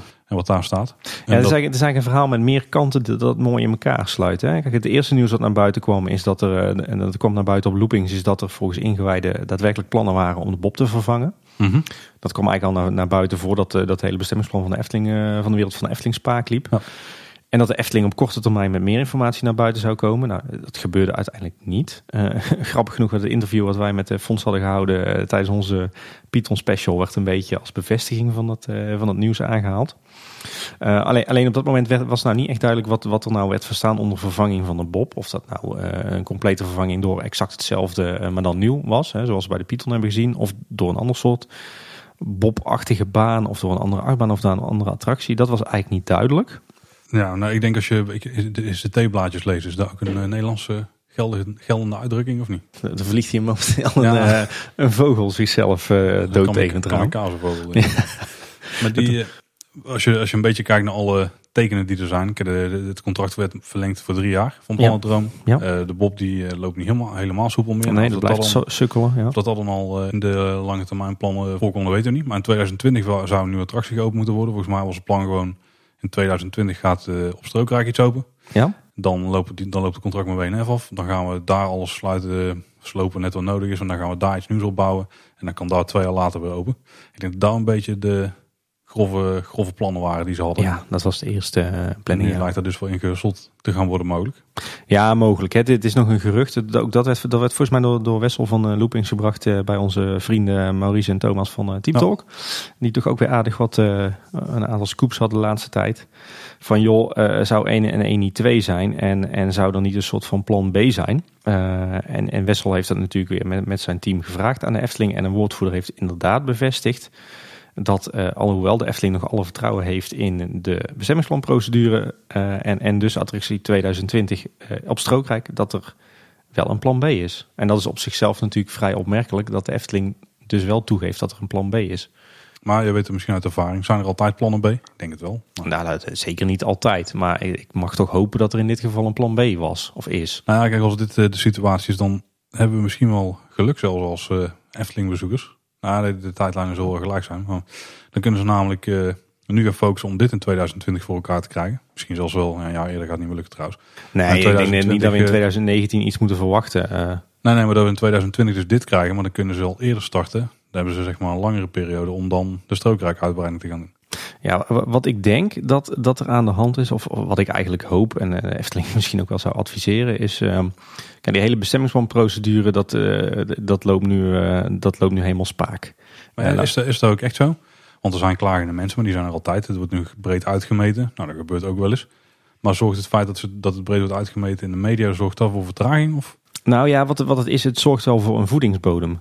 Kijk, eh, toen het allemaal nog niet zo negatief was en nog niet zoveel in het nieuws, eh, eh, toen was, is, is het gewoon een, is denk ik de, de strategie van Efteling geweest van joh, we zetten gewoon die procedure door, die bezwaren die worden gemaakt, daar luisteren we naar, we passen ons plan iets aan en we weerleggen ze. En dan zien we die, die procedure verder met vertrouwen tegemoet. Maar door eigenlijk die stortvloed aan, aan negatieve ontwikkelingen en negatieve pers, denk ik dat heel veel bezwaarmakers zich heel erg gesterkt voelen.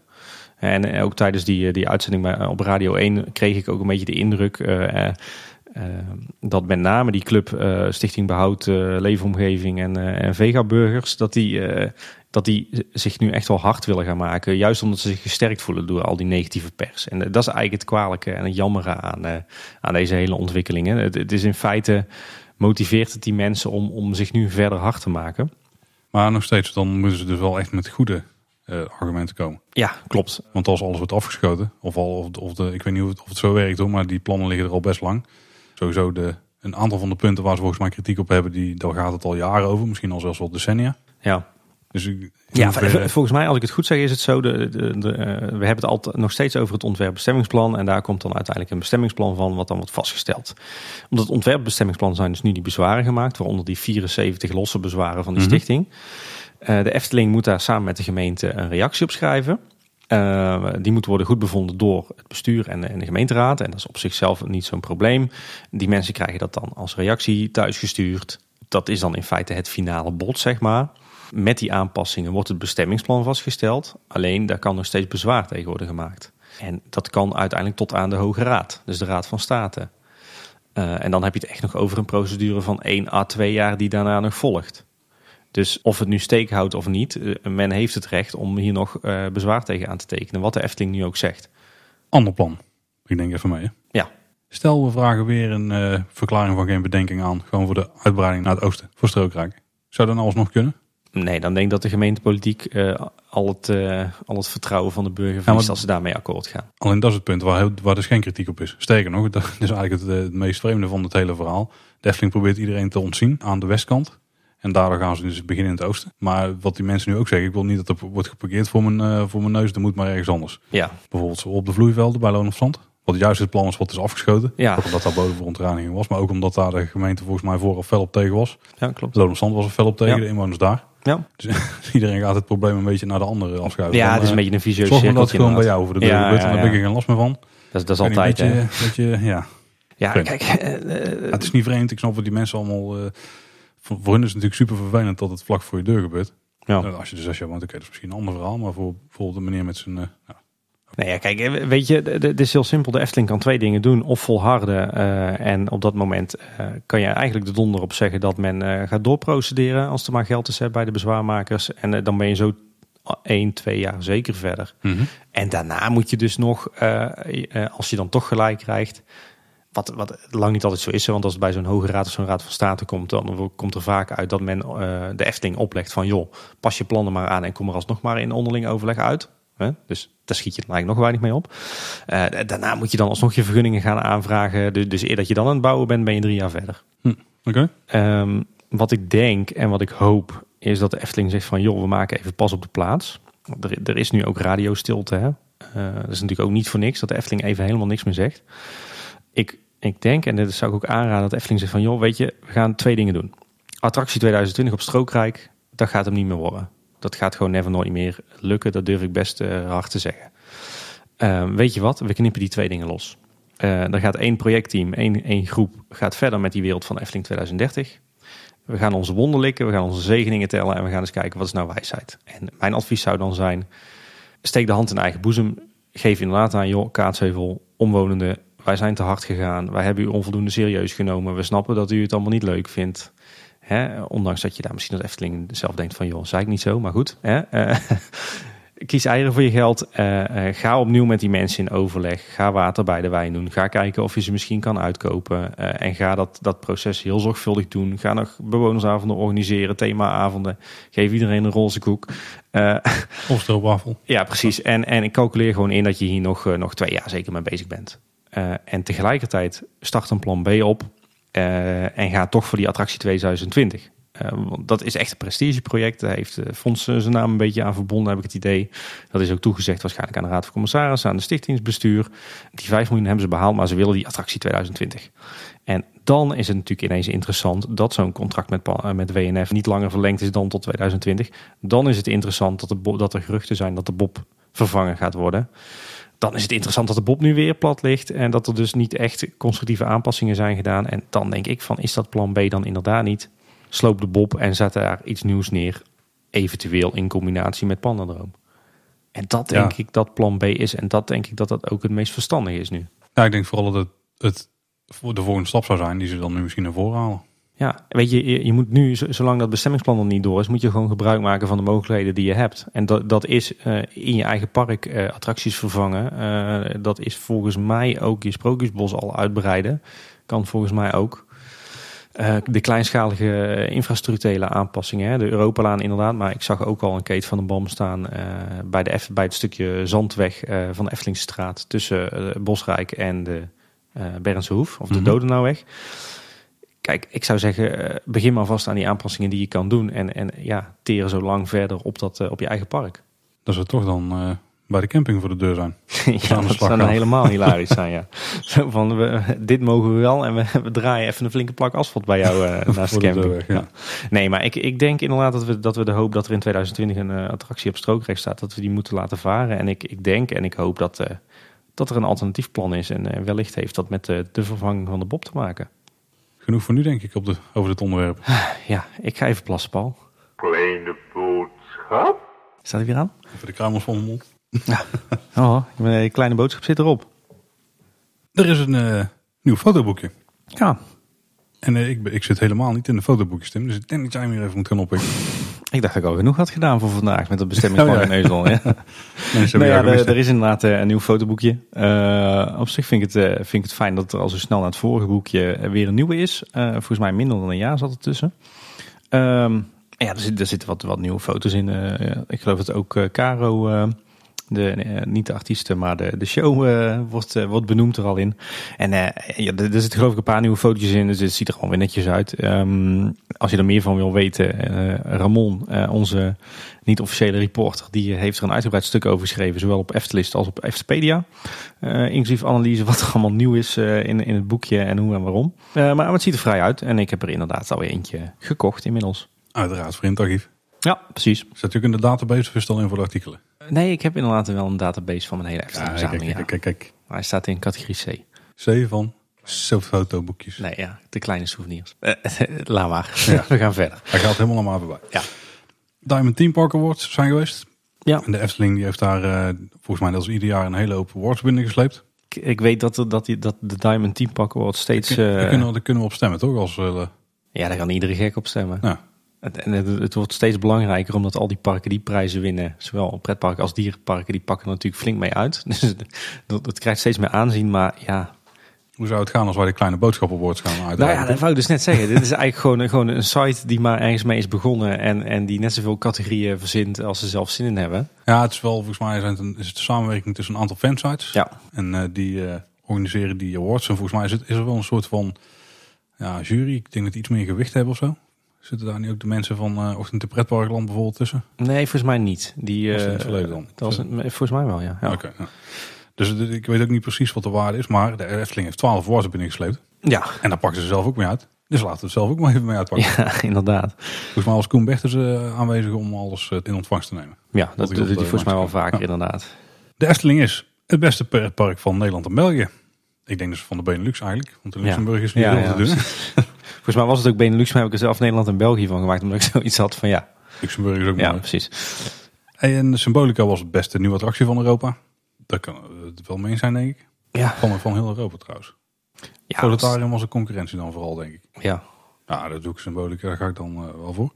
Het meest kindvriendelijke park, kan ik me ook eens voorstellen. Maar ik, de- volgens mij het leukste park voor kinderen. Zo, daar ging de prijs naar Plopsa, dacht ik. ja, dus dat is op zichzelf natuurlijk al raar. Ja, twee aparte awards, Ja. maar oké. Eh Ravelijn, de beste parkshow. Ik moet eerlijk zeggen dat ik niet zo heel veel andere parkshows heb gezien. Ik weet niet, of- is het van Nederland? Ik eh, mag het hopen. Ik kan me voorstellen dat er bijvoorbeeld in Puy du Fou of in Europa Park of in Fantasieland of eh, noem maar een dwarsstraat, dat er toch ook betere shows zijn. Beste themamuziek, het beste personeel.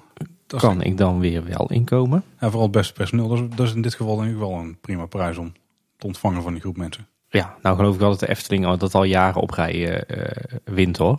Mhm. Eh, de social media heeft weer wat veren erbij gekregen. Ja. Die hebben een e-award gekregen voor beste social media. Maar ook website en app heeft de Efteling gewonnen. En op Europees niveau derde plaats in de categorie beste themepark en leukste overnachting. We- weet jij dan wie nummer 1 en 2 Europees waren? Ik ga ervan uit, Europa Park doet het altijd heel goed daar. Ja. Maar nummer twee, zou dat Disneyland zijn? Ik Ik, ja, ik, nee, het het- namelijk niet zo heel goed vaak in deze... Lijstje. Nee, eigenlijk is het ook een wassen neus, heel die Diamond Team Park Awards. Ik bedoel, het, het, is maar net eh, in welk land leeft het, eh, welk park eh, roept de meeste mensen op. Eh, eh, forum heeft de meeste eh, leden. ja, precies. Dat, eh, nee, ik, ja, leuk. Gefeliciteerd Efteling, maar eh, ja, dit is toch een beetje een groot wij van WC Eend gehalte.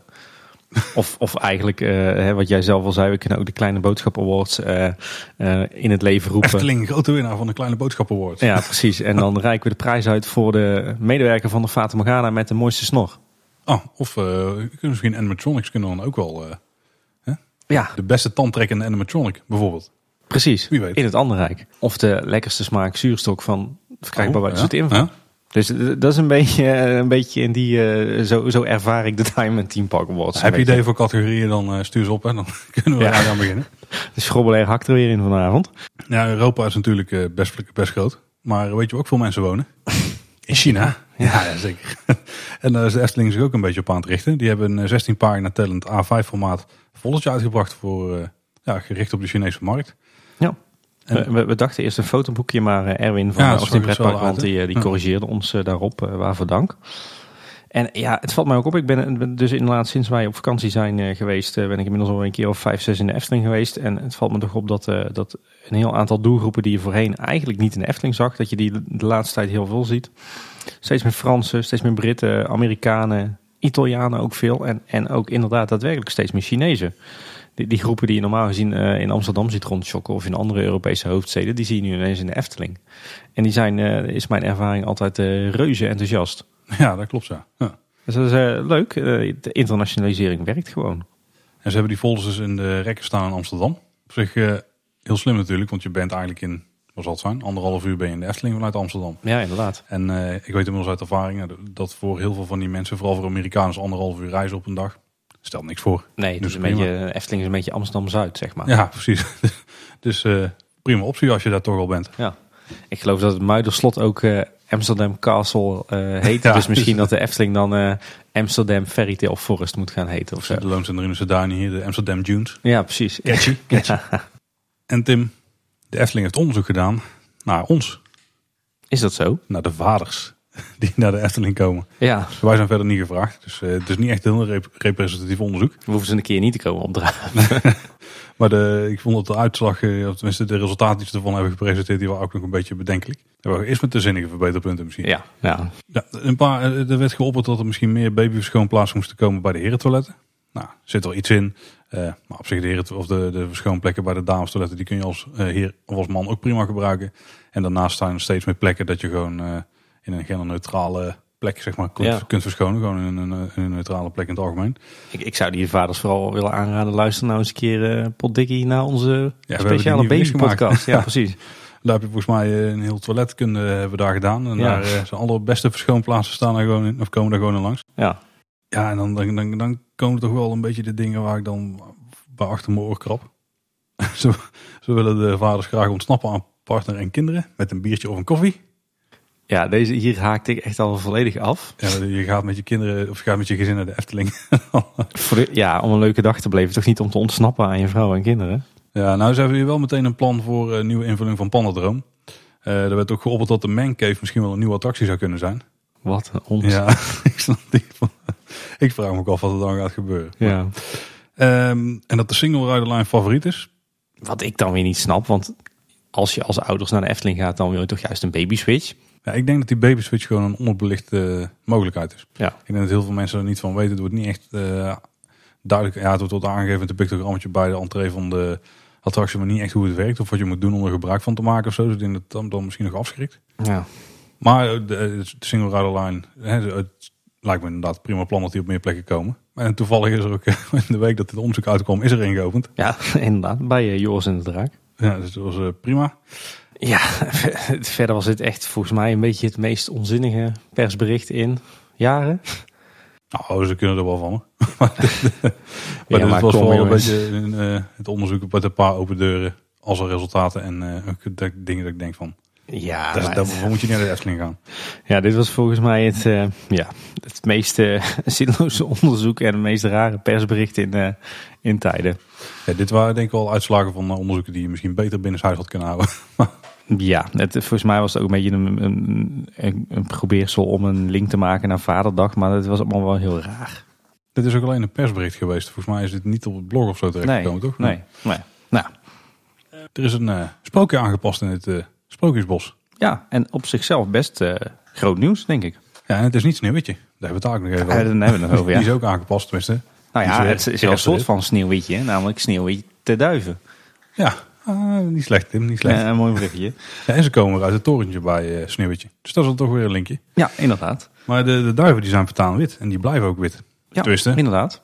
in het echt zijn ze wit. Maar als je een speciale bril opzet, dan veranderen ze spontaan van kleuren. De, de roze bril, ja. Ja, dus, eh, Zou, zouden ze daar straks al die, eh, die brillen van Pannendroom voor, voor gaan gebruiken? Die, Ja, die eh, gaan die straks werken. over zijn. want die, daar zijn niet van die groen, eh, groen-rode... Oh ja, dat is waar, ja. Ja, daar zijn van die polariserende brilletjes. Daar hebben ze niet zo heel veel aan. Maar, maar inderdaad, na, na jaren van, eh, ja, denk ik, eh, vrees en hoop, heeft de Efteling uiteindelijk besloten om uit het oogpunt van dierenwelzijn te- de duiven op het Herautenplein eh, niet meer te kleuren.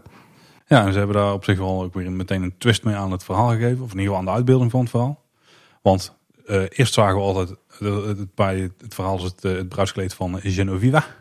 Schrijf, Ja? Zeg je dat zo? Ik, Ik, ik zeg altijd geen Oveva, maar dat zal Genoveva, volgens niet vind ik ook goed. Genoveva, jij dat? dus, Ja, wat tijd dat we weer op vakantie gaan, Paul. ja, inderdaad. In het begin zijn de duiven wit en uiteindelijk dan worden ze gekleurd. En het, nu beelden ze altijd dus het gekleurde stuk uit, tot, Ja. tot nu toe. En nu hebben ze gewoon eh, het verhaal zo aange- of de uitbeelding zo aangepast dat ze dus het stuk voor het verkleuren uitbeelden. Dus ja, daarmee zijn ze wit. En daarmee is het meteen geregeld. Ja, inderdaad. Dat, eh, zo zou je het kunnen uitleggen, inderdaad. Eh, Olaf, eh, ook mee, luisteraar van onze podcast, die zei al van ja, een beetje raar. Ze schrijven in het persbericht eerst van het kon altijd al geen kwaad, maar vervolgens uit het oogpunt van dierenwelzijn stoppen we toch maar met, met het verven van die beesten. Ik denk dat Ehm. het gewoon is om opmerkingen vanuit die hoek gewoon te voorkomen. Ja, ik moet zeggen, ik, een half jaar geleden had ik, had ik er schande van gesproken. Onze onze derde reporter, eh, eh, Ramon, die, eh, die zei ook al, die vond het maar niks, die vond het maar betutteling. Eh, maar ik denk eerlijk gezegd eh, nu tegenwoordig dat dit wel goed is. De, de, in de Eftelingen zie je toch eh, de laatste tijd eh, toch een aantal heikele issues eh, ontstaan. eh, waarin de Efteling eh, tot op heden vrij conservatief was. Hè. Je, hebt inderdaad het, het kleuren van de duiven is zo'n issue. Het een beetje het genderspecifieke eh, ja, omgaan met, met souvenirs en met, eh, met bepaalde figuren. En de, jongens de draken en de meiden de prinsessen. Eh, maar bijvoorbeeld ook de kannibaal bij Monsieur Kannibaal. Mhm. de, de, de bosjesmannen in Carnaval Festival. eh, Zwarte Piet eh, op het Sint-Nicolaasplaats. Dat zijn allemaal onderwerpen die, die toch al een aantal keer onderwerp van discussie zijn geweest. Die ook al een paar keer is gebleken dat internationale gasten er niet zo blij van worden. Hè? De, de, de kannibaal bij Monsieur Kannibaal steekt er dan met de kop en schouders bovenuit.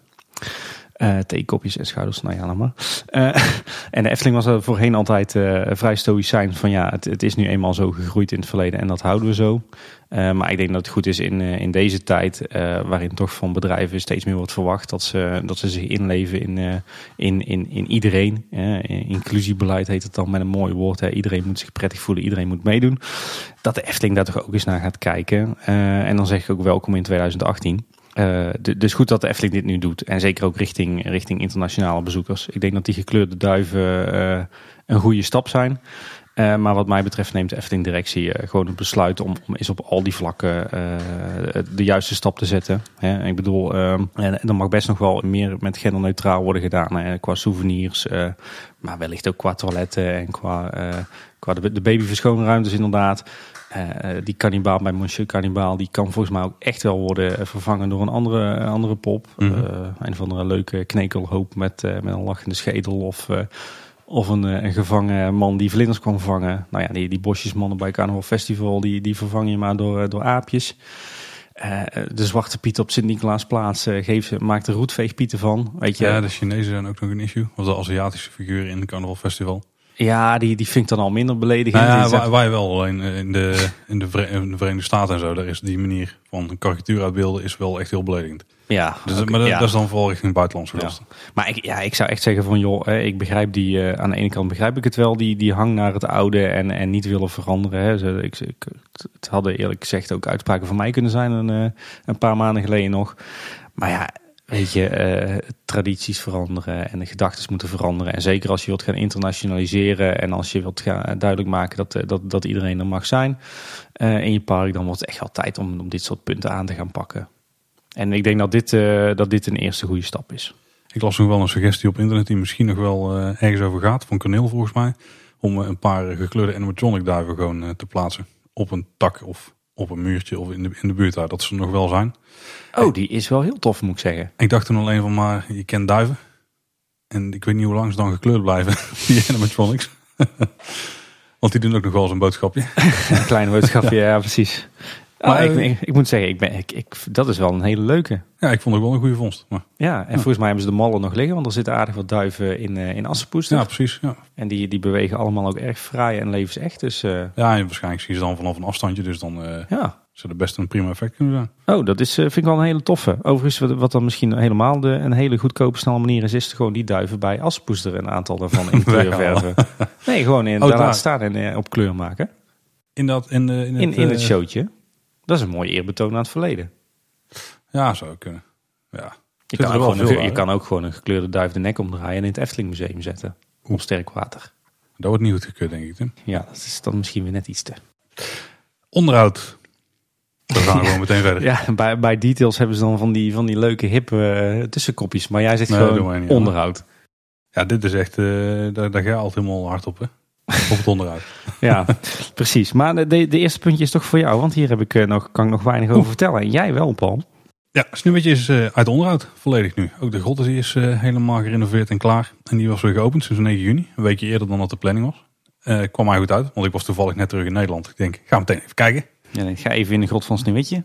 Ja, ja die, daar ben ik al heel erg voorzichtig mee hoe ik die dingen omschrijf. maar, maar ik ben inderdaad even binnen gaan kijken. Dit klinkt echt heel dubieus. Maar eh, er is van alles aangepakt. Eh, het dak is gerepareerd. Aan de buitenkant zijn de rotsen opnieuw geschilderd. Eh, nieuwe kleding is er eh, ja, rondom of op alle poppen gezet eigenlijk. Nieuwe flagstones geplaatst. Eh, de ramen zijn ontspiegeld. En het helpt was echt. jouw ding, Ja, hè? het helpt. Het is, het is- echt een verbetering. Hoewel, ja, je ziet, aan, je ziet aan de ramen, als je op de ramen gaat, dat ze een beetje, weet je wel, een beetje gek reflecteren. Maar ze reflecteren echt een stuk minder. Dus je kunt echt veel beter naar binnen kijken. Dat is echt heel goed. Oké. Ehm, de grot waarin Sneeuwwitje ligt, ja, die is eigenlijk gewoon, die was helemaal gestript. Hè. Daar hebben we het een keer over gehad. En die is helemaal opnieuw opgebouwd. Ja. En daar hebben ze heel grondig gedaan, daar hadden we ook al eerder over gehad. Hè. Alles 3D-scand, weer opgebouwd in een eh, Romney-loods. Dat is Ja. zo- zo'n ronde zeker, hè? Ja, dat is zo'n rond eh, van staal eh, golfplaat ding. Ja, wat, eh, wat, die, wat op die was stond. over van de symbolica van de Ja, bouw. ja. ja. En die is nu inmiddels opgeruimd. Ja. Nou, daar in stukken gehakt en vervoerd naar de grot en in elkaar gezet. Nou, het ziet er ook gewoon, het ziet er echt goed uit hoor, van binnen. Die raam stond er al een tijdje. Maar als je nu naar binnen kijkt, dan zie je niet meer dus dat, dat het ziet er allemaal een stuk net iets echter uit, zeg maar. Je ziet nog wel dat die uh, die hangen gewoon een beetje, die zijn er wel tegenaan geplaatst. Maar eerst zag je ze echt gewoon hangen en was al- dingen waren afgebrokkeld en zo aan de rotsen. Dat is nu helemaal eh, gefixt. Ze hebben het eh, lichtplan aangepakt. Ziet er eh, ook goed uit. Ik las ergens dat het wat donkerder leek, maar ja, wat me paarser. ja. nou wat me heel erg opviel is dat als je even bleef kijken, dat je eigenlijk heel goed alles kon zien. Dus als je ogen een beetje gewend waren aan het donker, dan kon je echt dan kon je heel veel details gewoon van heel de omgeving zien en zo. Terwijl ik misschien ook eer- eerder er altijd wat sneller doorheen ging dan nu. Vooral omdat de dochter er heel snel doorheen rende. maar nu ik er echt even op mijn gemak voor ging zitten, dan eh, ja, na een seconde of 15, 20 of zo, dan zijn je ogen goed gewend. Kun je alles goed zien. Eh, volgens mij is er natuurlijk iets meer beweging in alle kabouters. Oké. Ja, het ziet er eigenlijk gewoon uit als vroeger, zeg maar. De, de gemiddelde bezoeker die zal misschien niet doorhebben dat is opgeknapt. Maar het ziet er echt eh, netjes uit en ik kan er jaren mee. Ja, en ik geloof dat het dioramaatje op de achtergrond met dat, eh, dat huisje ook eh, helemaal opnieuw was eh, gemaakt. ja, maar ik moet zeggen dat er volgens mij in het verleden ook wel aardig uitzag. Hoor. Ik, kom, ik dacht misschien hebben ze er nog veel meer dieptewerking in gekregen. Dat was volgens mij niet echt het eh, geval. Maar het ziet, het, ook dat ziet er goed uit. Oké. Nou, ik, ik moet Het is zeggen, gewoon weer een sprookjesboswaardige renovatie. ja. nou, ik ben er heel benieuwd naar. Ik heb het dus nog niet kunnen zien, helaas. Eh, ik ben wel van plan om volgende week nog even een paar uurtjes eh, het park in te duiken. En dan ga ik er zeker naartoe. Maar wat ik wel een leuk detail vond, eh, en dat haakt dan ook weer in op die, die duiven, is dat eh, de nieuwe duiventil, eh, eh, dat, dat, dat de in- en uitgang daarvan eh, weer via het torentje gaat. Wat, eh, Ja. wat, wat eigenlijk al die jaren op, bovenop de grot eh, van Sneeuwwitje eh, heeft gestaan. En eh, die hebben ze daarvoor opnieuw eh, opgemetseld en gevoegd. En eh nou, tof detail. En de duiventil zelf is ook opnieuw opgebouwd, toch? Ja, ja klopt. En eh, er zit weer glas en lood in het torentje.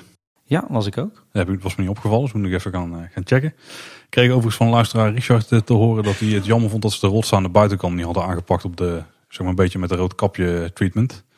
Ben ik het op zich wel mee eens hoor. Dus dit ziet er toch nog een beetje als, eh, hoe was het ooit omschreven? Als de, de wattenbol met een beetje doeken eroverheen. Ja, ik heb er nooit kunnen- zoveel moeite mee, moet ik zeggen. Nee, ik heb, op, ik heb op zich geen moeite met, maar ze kunnen veel beter zeg maar. Ja. En als je ziet hoe ze het bij ja. kapje hebben gedaan, is misschien iets Aan de andere kant verandert, verandert het uiterlijk van, van, de, van het gebouw in zich heel dan wel enorm. Hè? Kijk, bij, bij Roodkapje waren, zijn natuurlijk alleen maar de rotsen geweest die naar het gebouwtje toe leiden. Als je hier echt daadwerkelijk voor een ander soort rotsen gaat kiezen, dan is je grot van Sneeuwwitje is ineens wel, ziet er totaal anders uit. Hè? Ja, ligt aan hoe je het aanpakt. Ja. Ik, ik denk dat het, wel, eh, dat het wel te doen was geweest, zonder dat het al te veel afweek. Het is vooral de vorm, hè. De kleurstellingen zo kun je gewoon gelijk Ja, houden. ja ik, ik ben toch blij dat ze het niet hebben gedaan. Maar ik, daar heb ik al vaker met mensen discussie over gehad. Dus, eh, de, de rotsen zijn overigens wel, eh, wel hersteld. De scheuren zijn eruit, eh, zijn dichtgesmeerd. En ze zijn opnieuw geschilderd en gedecoreerd. Maar inderdaad niet, niet opnieuw vormgegeven. En Eftelingse straat die meldde inmiddels al een hele tijd geleden dat ze de paddenstoelen in het kabouterdorp echt gaan herbouwen. Ja, dat Nou, zijn die, eh, eh, niet alle paddenstoelen, maar dat eh, zeg maar als je vanuit door een roosje komt, dat, dat eerste groepje van paddenstoelen aan je rechterhand. Waar, ja, waar nu het zeer geliefde houten hekje voor staat. Ja, precies. Eh, hier moeten ouders stiller staan, kinderen kunnen verder gaan. Zoiets gaat het rijmpje, geloof ik. En ik begreep uit het berichtje van Eftelingstraat.nl dat, dat die dusdanig bouwvallig waren dat ze op instorten stonden. En dat er dus binnenkort zou worden begonnen aan de bouw van, of de, ja, de sloop en herbouw van die paddenstoelen. En ik ben benieuwd. Ik, eh, ik Ah. hoop dat ze er het, eh, hetzelfde uitkomen te zien. Maar de, de onderhoudsklussen en renovaties tot nu toe, die zien er eh, hoopgevend uit. De Indische waterlelies die zijn onderuit. Ja. Waarom, waarom precies is niet helemaal duidelijk. is natuurlijk twee jaar geleden grondig aangepakt. Ja, dat, dat weet ik ook niet. Het viel me wel op laatst toen ik daar langskwam dat, dat het schilderwerk met name zeg maar, van het, de- het binnenplein dat het alweer slecht werkt, werd. Dat het houtwerk op een paar plekken alweer rot was. En het viel me ook op dat, dat de speakers van de, zeg maar, de twee wachters die in de wachters zitten, dat die, eh, dat die minder goed werkten. Maar met name dat het schilderwerk alweer in, in redelijk slechte staat was. Hm. Dus wie weet eh, dat, het er, dat er even een eh, klein schilderbeurtje wordt uitgevoerd. En, en verder is het ook zo dat het hele plein eigenlijk met die flagstones eh, ja, één groot maanlandschap aan het worden is. Eh maar eerder gezegd, ik weet dat in het verleden dat het probleem was om, om aan eh, ja, soortgelijke flagstones te komen. Dus dat er dan zo'n standaard terracotta vloertje zou komen te liggen. En dat daar toen voor is gekozen om dat eh, maar niet te doen. Ik denk dat het een goed besluit was, maar eh, la- laten we hopen dat, dat als dat alsnog gebeurt, wat ook echt wel nodig is, maar dat, men tegen die tijd wel de juiste kleuren en tinten flagstones weet te vinden. Ik zei net, het is twee jaar geleden. Volgens mij was het vorig jaar heropend, of niet? Ja, dat is vrij recent. Ja, Hm. Carnaval Festival die gaat dicht. Ja. Ruim een maand. Ja bijna anderhalve maand. Dat wordt eh, voor hier thuis toch wel een, eh, een kleine ramp, moet ik zeggen. Het wordt bij ons thuis ook een ramp overigens. Ja, Tenminste, tenzij symbolica dan rustig is. Want dat is tegenwoordig toch wel een eh, favoriete attractie, denk ik. nou, nou ja, en zes weken zonder carnaval festival, eh, dat eh, moet ik hier thuis nog zien te gaan verkopen aan die Dus we kleine hebben ons dames in ieder geval een goede drie weken volgehouden. Dus we hebben al wat getraind. Maar hij gaat ruim een maand dicht. Ja, wat gaan ze doen? Misschien gaan ze de eh, enige officieuze sauna van de Efteling misschien een keer fixen. Ja, ik, er gingen wat geruchten dat, eh, dat de dakaanvernieuwing toe was. Eh, op zich logisch met een, eh, een pand van 35 jaar. Nou ben ik wel benieuwd. Het is nu natuurlijk een, gewoon een stalen loods met nul isolatie. Het staat ook bekend als een van de warmste plekken van de Efteling in de zomer. Mhm. En een van de koudste in de winter. Waar volgens mij ook flink wordt gestookt. Het lijkt mij dat ze dan meteen het dak gaan isoleren. Met van die mooie geïsoleerde dakplaten. De- dus, dus daar zal veel tijd en geld in gaan zitten. Ehm, en als je dan even doordenkt, dan is ook even de vraag van ja, hoe gaat dat dan eh, verder? Eh, wellicht dat ook de wanden worden aangepakt. Dat zou dan betekenen dat je een volledig geïsoleerd gebouw hebt. Eh, wellicht kan er dan ook verwarmingscapaciteit uit. Ik geloof dat er ook ooit eens een gerucht ging dat, er, dat de verlichting volledig door LED zou worden vervangen. Mhm. Dat scheelt je natuurlijk ook een hoop warmte in de zomer. Wellicht nieuwe speakers. aanpassing aan de brandveiligheid. Ik, ik denk dat dit een onderhoudsbeurt wordt met, met voornamelijk heel veel gebouwelijke zaken. Ehm, ja, op zich niet verkeerd, want het gebouw zelf is nu natuurlijk niet meer dan een, eh, een simpele loods waar een hele bak warmte wordt ingepompt in de winter en eh, waar in de zomer het eh, niet harde is. Dus voor het comfort denk ik van, van bezoekers en, en zeker ook voor personeel geen overbodige luxe. Ja, ik denk niet dat het dak stevig genoeg is om zonnepanelen op te plaatsen. hè. Nee, dat is, dat is even de vraag. Ja. Ja. Want eh, die willen dus ook nog volgens mij echt een berg gaan plaatsen voor 2030. Ja. En dat is ook best wel een oppervlakte waar je er wel kwijt kunt. Ja, inderdaad. Dus ik verwacht hier verder weinig eh, esthetische eh, veranderingen of veranderingen aan de, aan de shows en de, en de poppen. Maar laten we hopen dat ze, dat ze dan gelijk de bosjesman in Afrika vervangen door aapjes. Ik denk dat, dat, dat we daar niet kunnen verwachten. nee. Ja, verder, eh, het is niet echt onderhoud, maar eh, de tuindienst heeft dit jaar echt weer goed werk gedaan. Eh, inmiddels zijn eh, alle, alle voorjaarsbollen er allemaal weer uit en eh, staan alle, alle potten en borders en bakken weer vol met, eh, met de zomerbloeiers. En het is ook mooi om te zien dat er eh, op alle pleinen eh, eigenlijk wel hele grote bakken weer verschenen zijn met, eh, met, met de palmen bijvoorbeeld en, eh, en heel veel hanging baskets. Dus het, eh, het park staat er weer prachtig bij. Eh Joris en de Draak is weer open. Tijdens het laatste onderhoud hebben ze de single rider line gebouwd. En, en daarmee dus ook geïntroduceerd. Ehm, de stickers op de treinen dus van bekend geworden dat die dus tijdelijk zijn. En dat ze die gaan vervangen door, ja, door weer gewoon de schilden zoals ze er tegenaan zaten. Ja. We hadden inmiddels ook gehoord, en Loopings die had dat ook nog eens een keer eh, als nieuwsbericht eh, bevestigd, dat er een mogelijk vijfde trein op de baan komt staan. Of niet op de baan komt staan, maar dat, dat ze die gereed gaan houden. Zodat er altijd één trein en onderhoud kan zijn. Want die moeten geregeld en onderhoud die trein. En ja, als er maar drie op de baan staan, dat kan niet. Moeten er altijd eh, een gelijk aantal zijn, Ja. anders kun je natuurlijk niet racen. Of twee of vier inderdaad, ja. En eh, op, dan, op die manier zouden ze dus steeds één trein eraf kunnen halen. Dat ze wel met vier treinen kunnen blijven rijden. Dus voor de capaciteit heel goed. Dus eh, laten we hopen dat het klopt. En dan kunnen we daar altijd van hoge capaciteit gaan genieten. Ja, en wat ons nog ter oor was gekomen, wat we niet op loopings.nl hadden gelezen, was dat de bedoeling was om de vijfde trein in januari 2019 te leveren. Nou, dat hopen we. Ja. Eh, wat nou, mij nog opviel bij Ravelijn is dat ze daar behoorlijk last hebben van, eh, van duiven, duivenbeert. Eh, en die, die zich allemaal nestelen zeg maar tussen, de, tussen het dak van de tribune en, en de, de doeken die daar hangen. Daar maken ze volgens mij nestjes in. En dat levert nogal rare situaties op met duiven die de hele show onder het dak vliegen. En, en met name ook een hoop viezigheid in die, die doeken. Dus laten we hopen dat dat snel opgelost is. Dat ze een ander plekje krijgen. Ja, Op het Routenplein is nog plekken. Oh nee, dan moeten ze wel wit zijn. dat moet dus wit zijn. Ja. wel kieskeurig. Hey, de speelwaarde die is weer ingezaaid. ja. Volgens mij hebben we dit niet al eerder gemeld.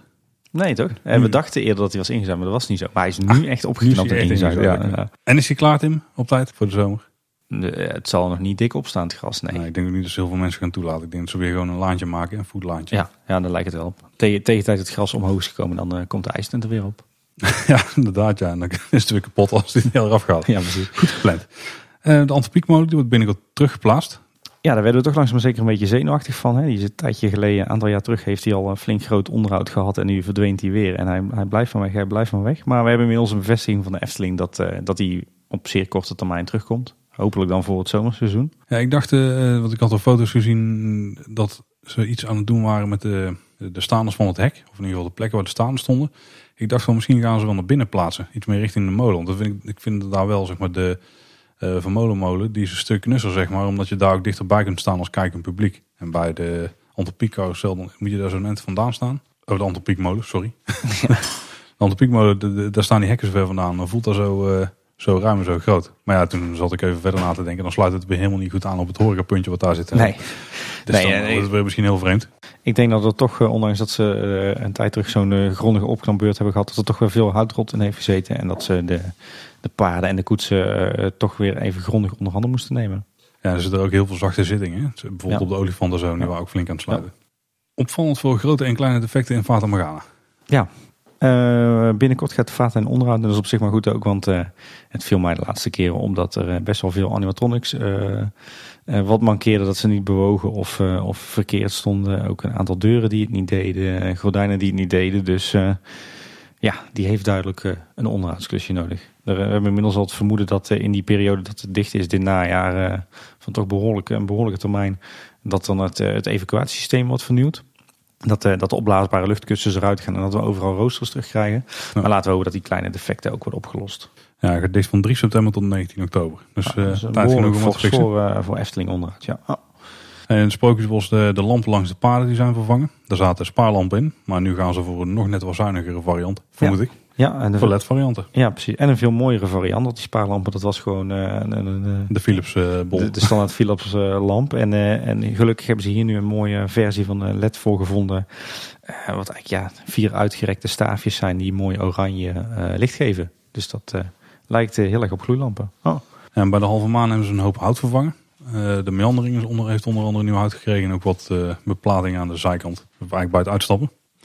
Ja, en het viel ook wat mensen op Twitter op dat de beeldjes rondom het Anton Pieckplein... dat die eh, vaak opnieuw gedecoreerd of geschilderd zijn. Ja. Dus eh, ook daar eh, houdt het netjes bij. En dat het Anton Pieck bordje relief heeft. Dus dat de letters erin gesneden zijn. Ja. Hoe lang dat geval is, ik heb geen idee. Ik denk dat dat gebeurd is dit voorjaar met die, met die schilderklus die niet al te best was uitgevoerd. Waarop ook het ornament van de eierleggende kip vernieuwd is. Eh, volgens mij hebben ze toen ook gewoon dit bordje opnieuw gemaakt. Hm. Eh, wel leuk is overigens dat, eh, dat de, de figuurtjes op de poort, zeg maar nabij de zoete inval, die hadden al een, een winterse ver- versie gekregen die er wat meer 3D uitzag dan, eh, dan de oorspronkelijke beeldjes. Nu is er ook sinds kort een, ja, laten we zeggen, een zomerversie. Met, en, en het, het mannetje met de luid, moet ik zeggen. Dus de, het gitaarachtige instrument. Die, die lijkt nog aardig op de originele. Maar met name het mannetje met de bazuin. Een soort, eh, een soort toeter. Die, eh, die, die, ja, die is toch wel eh, aanzienlijk veranderd. Maar die lijkt een stuk beter op het originele Anton Pieck ontwerp. Dus dat is ook weer een hele mooie verbetering. Kwaliteitsslagje. Ja, bijna niemand die het ziet. En eh, daar wordt dan toch in geïnvesteerd. En, en ja, het zijn toch forse bedragen als je ziet dat zo'n eh, zo'n mannetje dan eh, moet worden geboetseerd, afgemald, gegoten, gedecoreerd. Dus ja, dat, dat zijn forse investeringen met ja, voor eigenlijk een hele minuscule verbetering. Dus alleen maar tof. En de Droomvlucht die bestond 25 jaar afgelopen week. Nou weet ik niet of dat het per se ter ere daarvan was. Maar er zijn wel een hoop nieuwe pruikjes en jurkjes voor de elfjes aangerukt. En De rijden zijn ook wel aangekleed. En die zijn ook gewoon in de attractie. Ja. Dus je kan het zien. Ja. Ja, zijn iets, iets anders. Ik heb het zelf nog niet gezien, dus ik weet niet precies. Ik heb alleen maar flitsfoto's gezien. Ja, daar word je niet zo heel vrolijk van. Nee, ik geloof dat het wat, wat, wat, van. wat, wat kleuriger en gedetailleerder is. De, de Ja, inderdaad, wat meer detail erin. Ja. Eh, wel gekleurde pruikjes, hè? volgens mij is een van de items dat ze niet meer allemaal blond zijn. Ja. Daar blijven ze nog steeds gewoon volhouden. ja. Of, Ja. Daar wordt niet geluisterd naar de fans. De Efteling is nu helemaal eh, inclusief, hè? dus eh, ook een andere haarkleur. Ook de eh, roze mag, hè? Ja, ja. ja, ja. Oké, rood kapje, ja, daar zijn wel meer problemen mee geweest de afgelopen tijd. Maar de bewegingen zijn nu ook niet helemaal meer, of niet helemaal top meer. Nou ja, Roodkap is natuurlijk vorig jaar herbouwd. Is dat vorig jaar? Ja. Ja. ja.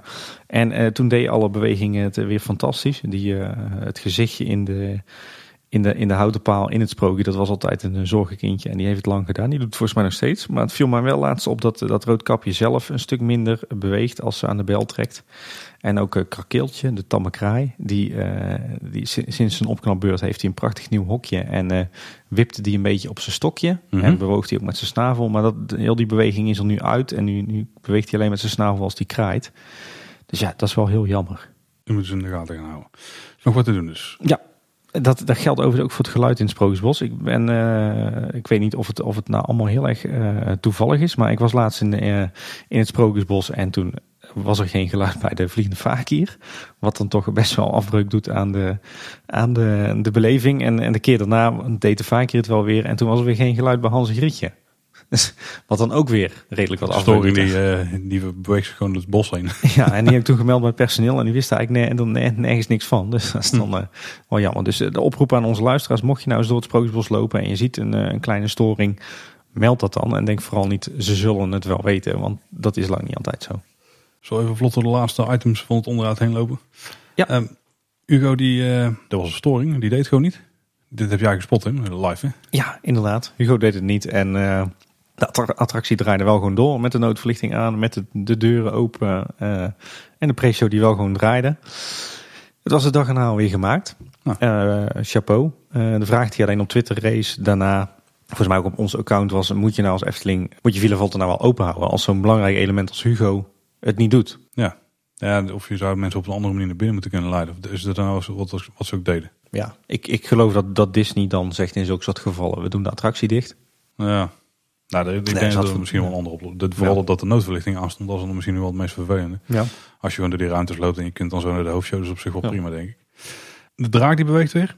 De draak in het eh, draaklicht geraakt. Ehm, en er komt ook weer rook uit de neusgaten. Ja. Dus, eh, Die doet het weer helemaal. Ja. dus goed- zijn goed bezig daar. De Pandadroom gaan wel een paar dingen nog niet helemaal goed. De, de panda die is inmiddels weer terug. Die was ook een tijdje weg. De muziek staat veel te hard, begrijp ik. Daar heb ik zelf Ja, wij, wij zijn er zelf niet in geweest, Nee. hè? Nee, dat was... eh, Dat hebben we er dan weer net Verrassend. niet voor over. Maar wat wel opviel eh, aan de hand van foto's van Cindy op Twitter... is dat de, dierenkoppen bij de entree die zijn gestut. Ja, daar viel mijn mond wel een beetje van open. Ja, En die van het, de, de beer met een beetje pech ook. En een leeuw. Maar die dus niet. Is Ja. het een beer? Is het een aap? Oh. Jij bent echt fan, Tim, van de Eh, Pandadroom. ja, inderdaad. Mijn favoriete attractie. Nou begin ik te twijfelen dat het wel een aap is. Oeh. Wij zijn echt Pandadroomkenners. Uh, Ja, misschien horen jullie wel. een poll organiseren. En het Dat is een Sorry. dokterpoll dan in dit geval, hè? Ja, daar ging het net over. Maar de, daar gaat helemaal langs me heen. Dat is niet helemaal mijn Ja, dierendokter. Amerika, National Geographic. niet uit. Ah, oké. Hey, het eh lavelaar, daar staan ook wat dingen in de stijgers. Eh, en de vijvers staan droog. Nou, dat wordt dus ook op allerlei plekken geklust. Ja. Eh, het verkeersbord van Python Pietje is vervangen door een dunnere variant. Ja. Python Pietje zelf die, heeft nog steeds wel last van wat ziektes en zo. Ja, Misschien- steeds een beetje bladderig. Ja, die moeten ze nog wel even aanpakken, want dat, dat kan echt niet meer. Een van de opmerkingen die ik las van... eh, even teruggeplaatst voor de pers tijdens de opening. Maar dat kan nou niet meer een excuus zijn. Nee. Zeker niet als je ziet wat ze wel allemaal verder aanpakken. En waar hard onderhoud nodig is, is in het Kabouterdorp en Polka Marina. Ja, de laatste keer hadden we het er al over hè, dat, eh, dat de walvis eh, er niet echt eh, super meer uitzag. Maar het viel mij laatst op dat, dat ook de, de koggen zelf, dus de bootjes zeg maar. eh, maar ook al het staalwerk, de baan, eh, eh, dat het er allemaal eh, slecht bij staat. En eh, bij de halve cirkel bij het Dorpplein, een van je favoriete plekken Tim. Ja. Die hebben ze gewoon helemaal overhoop gehaald. Ja. Helemaal. Dat is een beetje graven, ja. en een beetje het, het tot waarde eruit trekken. Of de, de, de tegelwerk. Ik denk eerlijk gezegd dat het gewoon eh, voor kabels en leidingen is voor, de, voor, voor Laplace. Nou, zou het touw zijn. Ja, denk misschien voor het negenplein in dat ze daar nog iets doen met de extra verlichting. Of, eh, Zou ook kunnen. Maar ik denk, ik denk gezien, gezien de bouwwerkzaamheden dat, daar, eh, dat Laplace daar wordt aangesloten. Oké. Dan zijn we door het onderhoud heen. Dat was een flinke lijst. Ja. Maar kan ik niet, hè? Of kan ik niet anders, want het is Na ruim vijf weken, ja. En dan hebben we nog een hoop kort nieuws. Eh, de kans van Caro is bekend. Nou, ik heb even zitten checken. Ik ken er helemaal niemand van volgens mij. Ik ook niet. Maar we zitten niet echt in het wereldje. Dus, niet in eh, een musical wereldje, ja. eh, de show staat blijkbaar gepland voor een aantal jaar, kan eftelingsestraat.nl melden. Ehm, maar het kan natuurlijk wel eens, omdat net zoals bij de grotere musicals, dat de, de cast een beetje wijzigt tijdens eh, of door de jaren heen. Dat is op zich ook niet vreemd. En volgens mij, eh, aangezien er ook weinig wordt gesproken en zo, misschien ook niet Ja. heel, heel erg. Misschien wel een beetje zoals die shows in Fantasieland. Hè? In de, de Wintergarten eh, is dat volgens mij. Dan heb je zo'n variété-show en daar zit dan ook af en toe een keer weer een andere jong leeract of trapeze loopact in. Nou, het is ook gewoon mooi de grote musicals die meerdere keren eh, in de week, of misschien zelfs op een dag wel plaatsvinden. Dan heb je ook vaak wisselende kasten. Een beetje het soldaat van Oranje effect. Ja, of nou volgens mij iedere grote musical gewoon. Maar dat is niet helemaal onze wereld, Nee. vermoed ik. Nee, En dan hebben we onze grote vriend, onze Mari, Mari van Heumen. ons Marie. Die zat in Efteling Fonds. Uh, Fans. Fans, ja. Ja. Mari zat in fonds. Dat klinkt ook een beetje fout. Nee, de- in, de, in de serie op YouTube. Oh, oké. YouTube is zo'n site, Tim, daar kun je filmpjes kijken. Ja, daar ben je wel oh, bekend dat- mee. hè? ja, ja. Nee, Die Mari zit dan zat- altijd over op videoband, hè? ja, of, eh, ja, Ja. precies. En dan kun je ze kijken op je tv. Ja, precies. Ik kan niet eens weten hoe ik dat voor elkaar moet krijgen. Dus ik ben- ik weet het niet. En maar Mari, eh, echt een hele mooie aflevering vond ik. Ja, ik vond op zich wel eh, verrassend dat er een, een oud medewerker en eigenlijk nog steeds medewerker eh, hiervoor werd gekozen, Ja. maar, maar wel heel terecht. Want eh, onder de oud medewerkers en medewerkers zitten natuurlijk ook grote fans. En ja, het was wel duidelijk dat Mari dat, eh Dat ook hij nog steeds een groot hart heeft. Hè? Ja, dit was gewoon weer een fantastische productie. Wat eh, ja, voor mij toch weer de nodige kippenvelmomentjes eh bezorgde. Weet je dat ik ook wel ben gevraagd voor die serie? Echt al eh, Echt waar? in september of zo volgens mij. Echt waar? Dat wist ik nog niet. Ja, dat is serieus. En Dan zijn we nog op gesprek geweest in de Efteling. Bij, eh, door het park gelopen met een van de mensen die het produceerden. Er werd ook al verteld dat ze bijvoorbeeld Frank hadden gesproken en zo. Oké. Dus die was, toen was ook de eerste aflevering volgens mij. Ja. Dus die was toen al eh, on the radar. En voor de rest eh, ja, was me niet helemaal duidelijk wie er nog verder kwam. Ja, ik ben ook maar gewoon een jaapje uit de cats. Er was Ja. niet zo'n heel interessant verhaal uit te halen volgens mij. Oh, Oké. Dus ik denk dat daarom uit. We hebben er nooit meer iets van gehoord. Maar als ik zag, toen ik de eerste aflevering zag, dan kon ik me wel voorstellen waarom we uiteindelijk niet meer. eh Jij bent niet excentriek genoeg. nou, dat is misschien niet het punt, maar er is weinig interessant verhaal te vertellen. Nou ja, misschien nu een podcast maken. Je, weet, je weet ooit nooit. Wie weet, wie weet. Maar ik denk dat wij dat dat schip inmiddels. eh, voorbij gevaren is. Ja. Daarover gesproken. Ja, er waren wel meer dingen in de Efteling. Ja, op rails dan. In ieder geval. Maar daar hebben we het trouwens al over gehad. Ja, eh, maar dat was inderdaad.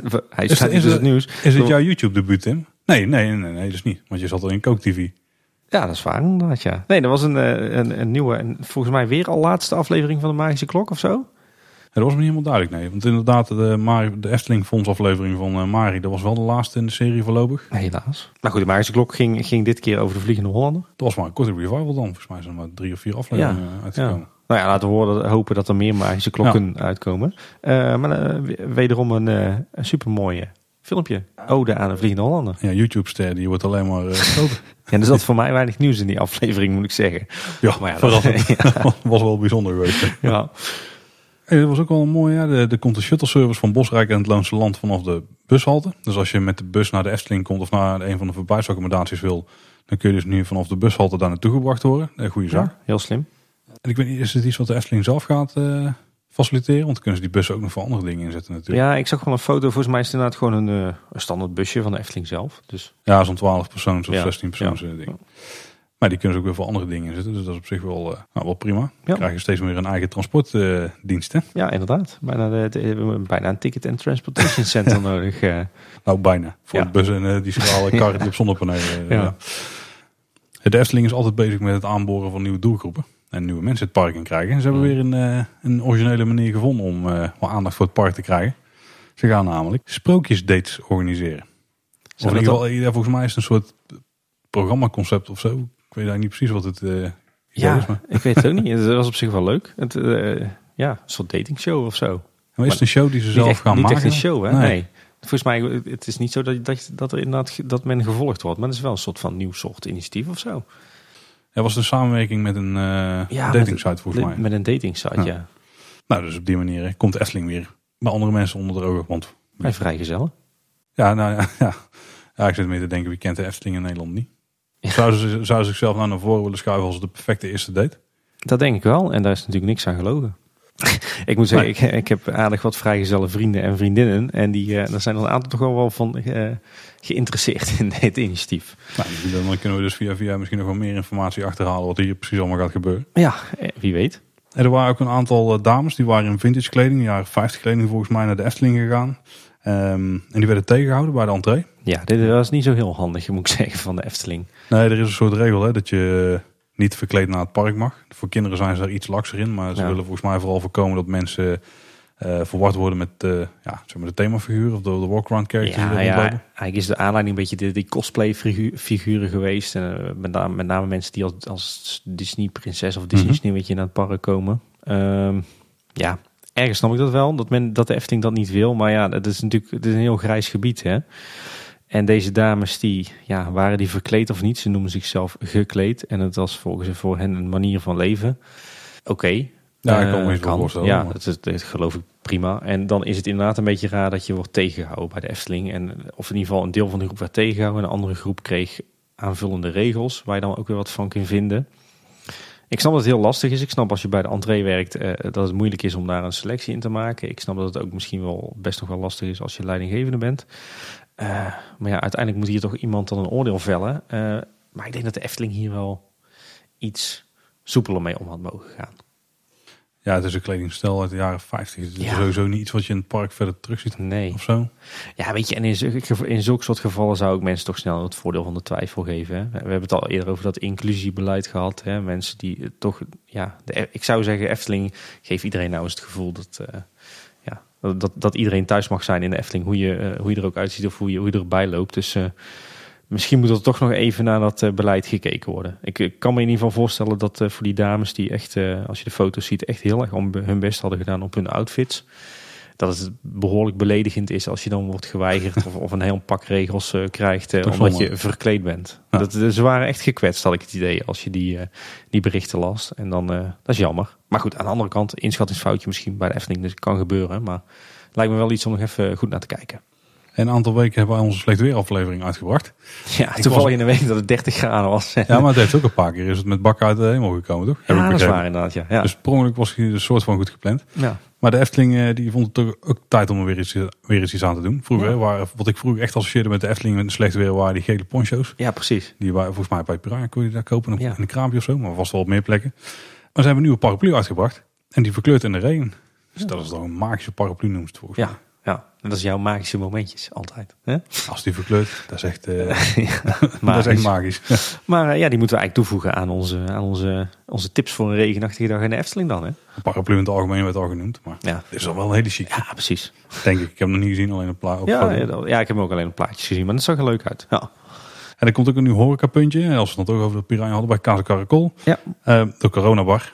En ja, dat past niet echt helemaal in het park. Ze, hebben even een legertje golfplaten tevoorschijn getoverd. Die hebben ze tegen een houten framepje aangeklapt en eh, dat is dan een bar. Maar het is een extern ontwerp, dus ja. waarschijnlijk eh, corona die eh, trekt hier wel knaak uit. Ook Ja. gezien de, de naam Ja. van het punt. joh. En er staan inmiddels ook flinke grote coronaborden bij, eh bij Caracol. Maar die, die kon er al corona kopen. En volgens Ja. mij wordt het ook best wel aangeprezen. Ja, de super mooi, maar voor het Negenpleinenfestijn. Want dat is waarschijnlijk de periode waarin dit zal staan. Ja, dat is prima hè. Ja, als, eh, als dit inderdaad na twee maandjes weer weg is, dan, eh, dan kan ik er niet veel bezwaar tegen hebben. En ja, past het nou totaal niet in die omgeving? Eh, grijs gebied. Nou, het is iets te modern voor die omgeving. Ja. Maar als je het ziet dan als een verkoopsteentje bij een toeristische attractie die daar al honderden jaren ligt. Die mensen komen bezichtigen. Als je op die manier een beetje ja, dan kan het. Ja. Nou, weet je, voor die, voor die zomerperiode, voor een beetje dat festivalgevoel, kan dat geen kwaad. Maar de, de- ik zou het zo niet willen terugzien als permanent horecapunt. Inderdaad. nee, nee, dat niet. maar ik denk dat ze dan ook wel iets, tegen, iets anders hadden aangepakt als ze zelf hadden onderworpen. Vandaag op de dag van opname verscheen Ja. er in één keer eh, een best wel bijzonder object. Aan de, ja, ik wil de overkant van de siervijver, maar dat ligt er maar net aan waar je dan staat. Ja. Maar op, langs het reisrijkpad, eigenlijk. Is het eh, aan, de, aan de kant van de Horst of aan de kant van de... Aan de kant van de Oost. Ja, Ja, het krentenpad. het krentenpad. Ja, dat is krentenpad. Dat is maar ook weer nieuw. Ja, dat is denk ik een inside dingetje. Het staat overigens volgens mij op Eftepedia uitgelegd, maar dat is het krentenpad. Maar goed, dat terzijde. In ieder geval het pad is van Pan- Panorama naar het kinderspoor. Ja, ja dat is het krentenpad. Aan de, ja, richting aan de vijverkant. eh, een soort, ja, een soort verrekijker of zo. Ja, En die zit dan vast aan een kist. Het zal erop moeten lijken dat hij erop staat. Maar het is natuurlijk uh, proef gemaakt. Ja. Het zit er allemaal met redelijk degelijk metaal volgens mij gemaakt. Ja, het ziet er een beetje steampunk-achtig uit, heb ik het idee. Een beetje industrieel. Het heeft wel tikkie symbolica, Ja. vond ik. Is het niet een, eh, heeft het geen link met symbolica dan? Ja, ik zat, ik zat eraan te twijfelen. Ik had iemand gevraagd die hem had gespot. En die zei eh, dat je symbolica vanaf dat punt wel kon zien. Maar vanaf de foto's leek het vooral richting het eiland eh, te wijzen. Maar wat wel interessant is, is dat er ook wat printplaatjes en zo uit leken te hangen. En een hoop draadjes. Dus Dat is meestal niet goed, hè? Nou ja, maar er was nog in, in aanbouw, hè, dus dan mag Ja. het nog. Er stond er nog bouwwerk omheen. Maar dat er dus wel iets gaat gebeuren. Dus misschien dat je daar een soort augmented reality of zo al gaat krijgen. En waar zit jij? Ja, dat je dus gewoon door, door, een verrekijker kunt kijken. En dat je dan gewoon ziet wat je door de verrekijker zou moeten zien. Maar dat het dan door een soort van Pepper's Ghost effect in, het, ehm, in, het, in de kijker, zeg maar. Dat je Mhm. daardoor nog een projectie over het beeld krijgt wat je ziet. En dat je misschien door de richting waar je heen wijst, dat je, of waar je heen kijkt. Wat bijvoorbeeld zou kunnen. Stel, uit de, het eiland ligt er wel tussen. Het symbolica ligt erachter. Dat je dan eh, een soort waas van symbolica door het eiland heen kunt zien of zo. Dat je de magie van symbolica door het eiland kunt, kunt spotten met deze magische kijker. Oké. Klinkt, Ik, ik weet het niet, maar zoiets hè. klinkt leuk, denk ik. maar we moeten even afwachten wat het is. Eh, ik, kan Nou, eigenlijk, ik, ik wil er drie woorden aan toevoegen. Less is more. Ja, vind je? Ja. Ja, ik ben wel benieuwd, want ik, ik vind het op zich wel tof dat ze dan zo'n, want het worden bijna een beetje, ja, easter egg is iets te groot voor. Maar je voegt ook allemaal kleine interessante puntjes toe in je park, zeg maar. Ja, dat is, Want dat volgens de mij was het, was het ook een van de plekken waar ooit een eh, Kodak fotobordje stond, of de Fuji Oh. fototip. Zou dat het misschien de vervanging van zijn? Nou, volgens mij is het een van die plekken, dus ik, ik dacht dat daar misschien nog... eh, Ja, misschien. Ik hou nog even mijn, ik, ik hou mijn oordeel voor me tot, eh, tot het klaar is. Ja, ik vind het, ik vind het, ik, ik weet het dus nog niet wat precies gaat worden, maar het concept lijkt me wel tof. Alleen misschien de plek waar het staat is niet helemaal ideaal. Ik denk dat zoiets zeg maar bij Symbolica op het plein voor daarvoor of zo, beetje in de buurt van de schatkist, dat dat wel een mooie plek was Ja. geweest om zoiets te plaatsen. Ja, klopt. Daar ben ik mee eens. Op deze plek vind ik het een beetje Ja, het is eigenlijk is dit een Twijfelachtig, natuurlaantje zeg ja. maar en dan staat er in één keer zo'n eh, zo'n object. zo'n plastic. Maar ik ben benieuwd eh, wat het maar we gaan het zien. Even wachten. Ja. En er waren ook weer een hoop nieuwe borden. Hè. Bij de entree een bord met eh, over camera toezicht. Voor de entree een bord dat je je hond vooral niet in je auto moet laten zitten bakken. Denk die, ik. die is wel een beetje jammer trouwens. Sowieso het feit dat die nodig is, maar ook nogal pontificaal op die... eh, Ja, aan, aan de andere kant vind ik het wel een sympathiek gebaar. ja, natuurlijk, het is, gewoon, ja, het is helaas nodig. Zou Ja. niet een soort van projectgroep dierenwelzijn of zo zijn? Of, zo? of een beleids, eh, dierenwelzijnsbeleid? Wie weet. Ik weet dat wij bij de, bij de gemeente ook ooit iemand hebben gehad die, het, die een dierenwelzijnbeleid voor de gemeente had opgesteld. Maar eh, die was aan het reïntegreren. Dus misschien dat bij de Efteling zo. Oh. nou, nee, dan- dan- dan gaan we weer even terug naar twee- 2020. Maar de, rondom het circus, toen die eh, eerste ideeën opkwamen, toen waren er ook wel mensen die bang waren dat het dierenleed dan verheerlijkt ging worden en zo. Eh, dus misschien hebben die. Misschien komt daar die werkgroepen dan weer uit. ja, wie weet. Ja. Nee, volgens mij was het een, een samenwerking met de dierenbescherming of zo. Maar eh, de- Hm. de- heel goed, denk ik. Alleen ja, het, was, het is vrij pontificaal inderdaad op die, die ene kolom. Ja, ja. Aan de andere kant, als het niet pontificaal is, dan weet het ook niet. Nee, maar zo- ja, en aan het eind van de paden bij ieder pad zo'n bord zetten is wel iets te veel Ja. goede. Maar, Ja. maar goed. Maar ook bij de Piranha in de opstaphal, daar, daar hing ooit een bord van, eh, van 26 vierkante meter. Met eh, in vier talen dat je moest, niet mocht schommelen of eh, Ah, niet moest ja. opstaan en je handen binnen bord houden. Met, met de befaamde spelfout erin. Hè, de, de, dat je moest blijven zitten in het bâtiment in het Frans. Maar ja, dat is het gebouw en het had bateau moeten zijn. maar die, die fouten die bestaan niet meer, want het is nou opgelost met twee simpele pictogrammetjes. Kijk, Ik, ik vraag me af of ze dat, dat oude bord in het Efteling Museum gaan zetten. Want dan, dan past er gewoon verder niks meer bij. misschien dat ze daar een nieuwe, dat ze een uitbreiding kunnen maken. Ze gewoon het bord tegen de buitengevel aan. Nee, of in, een- in de binnentuin daar eh, doen ze Ja. gewoon het bord en dan maken ze een open kapping van. en ze staan weer een paar Ja. objecten uitstallen. Ja. Dus daar, daar kunnen ze dan mooi een stuk van de Python rails onderhangen. Hey. Ja, met is eigen huis en tuin. Ja, precies. hey Paul, Ja, we zijn er een heel aan het. Dat was hem eh, qua nieuws eh, ongeveer wel. Hoe, lang zijn we bezig? Eh, met een beetje knipwerk, net geen twee uur denk ik. Ik, ik hoop dat onze luisteraars niet zijn afgehaakt onder, onderweg. Nou, zouden ze te wachten op hun reacties. Zou het? Ik, we hebben ongeveer eh 5 à 4 aan reacties, wat we, ik, ik lieg zelfs. We hebben, in, we hebben zelfs 10 à 4 met reacties eh, ontvangen de afgelopen eh, vijf weken. Eh, waarvoor dank allemaal. Eh, met, na- met name via Twitter, maar ook via de mail. Via WhatsApp, via allerlei andere, andere media. Dus, dus dank jullie wel daarvoor. Fijn dat, dat, ja, dat kleine boodschap jullie toch allemaal bezighoudt. Ja, misschien moeten we een aantal van de reacties even groeperen per aflevering. En dat we die dan in andere afleveringen daar even op terugkomen. Oh, dat is wel idee? een Ja, oh. Misschien een paar algemene dingen even eruit lichten. ja, leuk. Ja. We hadden een kleine poll gedaan. Ja. En dan hadden we even gecheckt wanneer mensen naar Kleine Boodschap luisteren. 26% doet het binnen een paar dagen. 24% wanneer het uitkomt. 21% direct op de maandagochtend. Die zitten er helemaal klaar voor. ja, die zijn er best veel geloof ik, ja. En 18% op een ander moment op de maandag. Maar dat betekent toch dat eh 39%, bijna 40% op de maandag al luistert. Ja. Heel tof. Wat doe je dan de rest van de week, vraag me af. Nou ja, er zijn andere podcasts om je tijd mee te vullen. Ja, Of misschien heb je niet zo'n lange eh, reis en dan eh, kun je het steeds opknippen in stukjes. ja.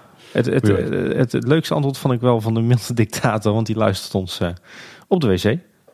Ja, dat is de meest geschikte plek denk ik. Ja, inderdaad. De enige juiste misschien wel. hè. Kleine boodschap tijdens de grote boodschap.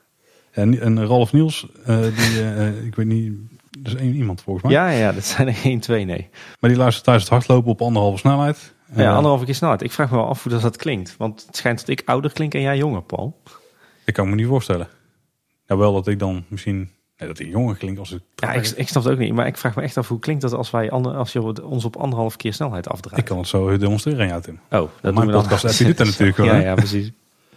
Ja, nee, leuk. Hey, eh, en ik wilde zelf nog even de milde dictator eh, en Ramon bedanken. Eh, die, want namelijk toen ik op Texel zat, toen verzamelde er, kon er niemand nieuws verzamelen. En zij hebben na terugkeer eh, maar even voorzien van een rijtje nieuwigheden.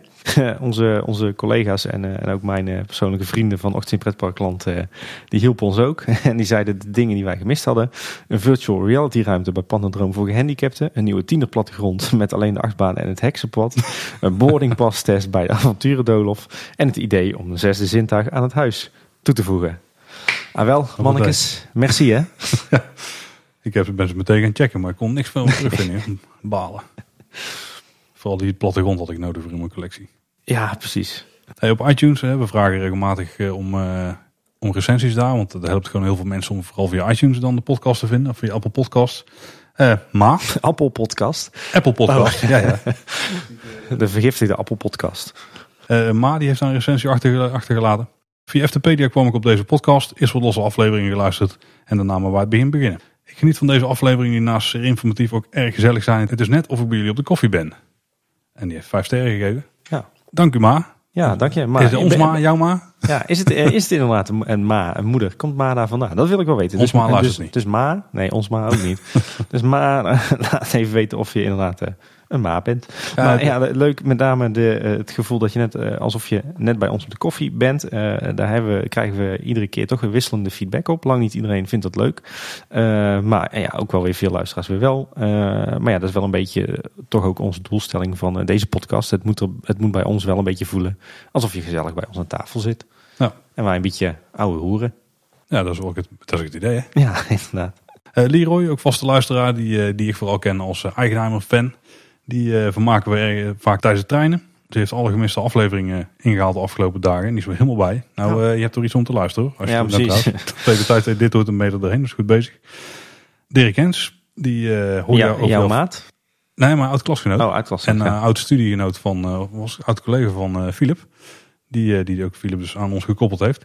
Maar toen hij Tim hoorde praten eh, over de fascinatie voor stadparken zoals Tivoli. Toen zag hij ineens een circusrijk voor zich in Strookrijk. Dus zelfs nog iets uitgebreider dan Ja. eh, de plannen. En toch zie ik dat ook wel gebeuren. Als, ik denk dat als er iets met circus kan doen, dan wordt het meer dan alleen attractie. Dan wordt er echt wel een pleintje ingericht met een paar meer tenten en Ja. zo. En, dat, is ook wel, ja, dat is ook wel ons wensbeeld, geloof ik. Al een paar keer hebben geuit. volgens mij zaten er een paar eh, foto's bij de tweet, ook met veel lampjes en zo. Dat is natuurlijk wat je in die stadsparken veel ziet. Ja, tof. Nou, piekproef, uitbreidbaar, thematisch flexibel. Een combinatie van water, natuur en bebouwing. Water en circus misschien nog niet meteen, maar dan kunnen ze natuurlijk gewoon eh, inrichten in de omgeving. Ja. En grote capaciteit op verschillende attracties, ja zeker mee eens. Ehm nou, uitzicht op de huidige vijver denk ik dat ze niet doen. Denk ik ook niet. Ik denk dat ze het iets meer in het bos wegleggen. Ja, ja, misschien dat er één zichtlijn komt of zo. Dat ze, dat ze even wat, eh, wat bomen wegkappen, een paar meter. Dat zou Ja, ik, ben, kunnen. ik ben benieuwd. Ik- Doet mij overigens wel, wel denken aan, eh, aan eh, Pieter Leeboy. Eh, die sprak ik laatst eh, via onze Twitter. Eh, Leeboy, eh, ook bekend van Zero G Reviews. Die is met, met de mannen en vrouwen van Teampark.nl een Scandinavië pretparkreis aan het doen. En die, die vroeg mij van de week eh, eh, last minute nog wat tips voor Liseberg. Of uh, Liseberg, ja, zoals, dan, eh, zoals Ja, ze dat ja. dan zeggen in Zweden. En eh, die heb ik hem gelukkig kunnen geven. En eh, dat was wel leuk dat we dus niet alleen worden ingeschakeld voor, eh, voor Efteling nieuws, maar ook voor eh, Scandinavische zaken. Dus eh, daar ben ik altijd voor te bereiken.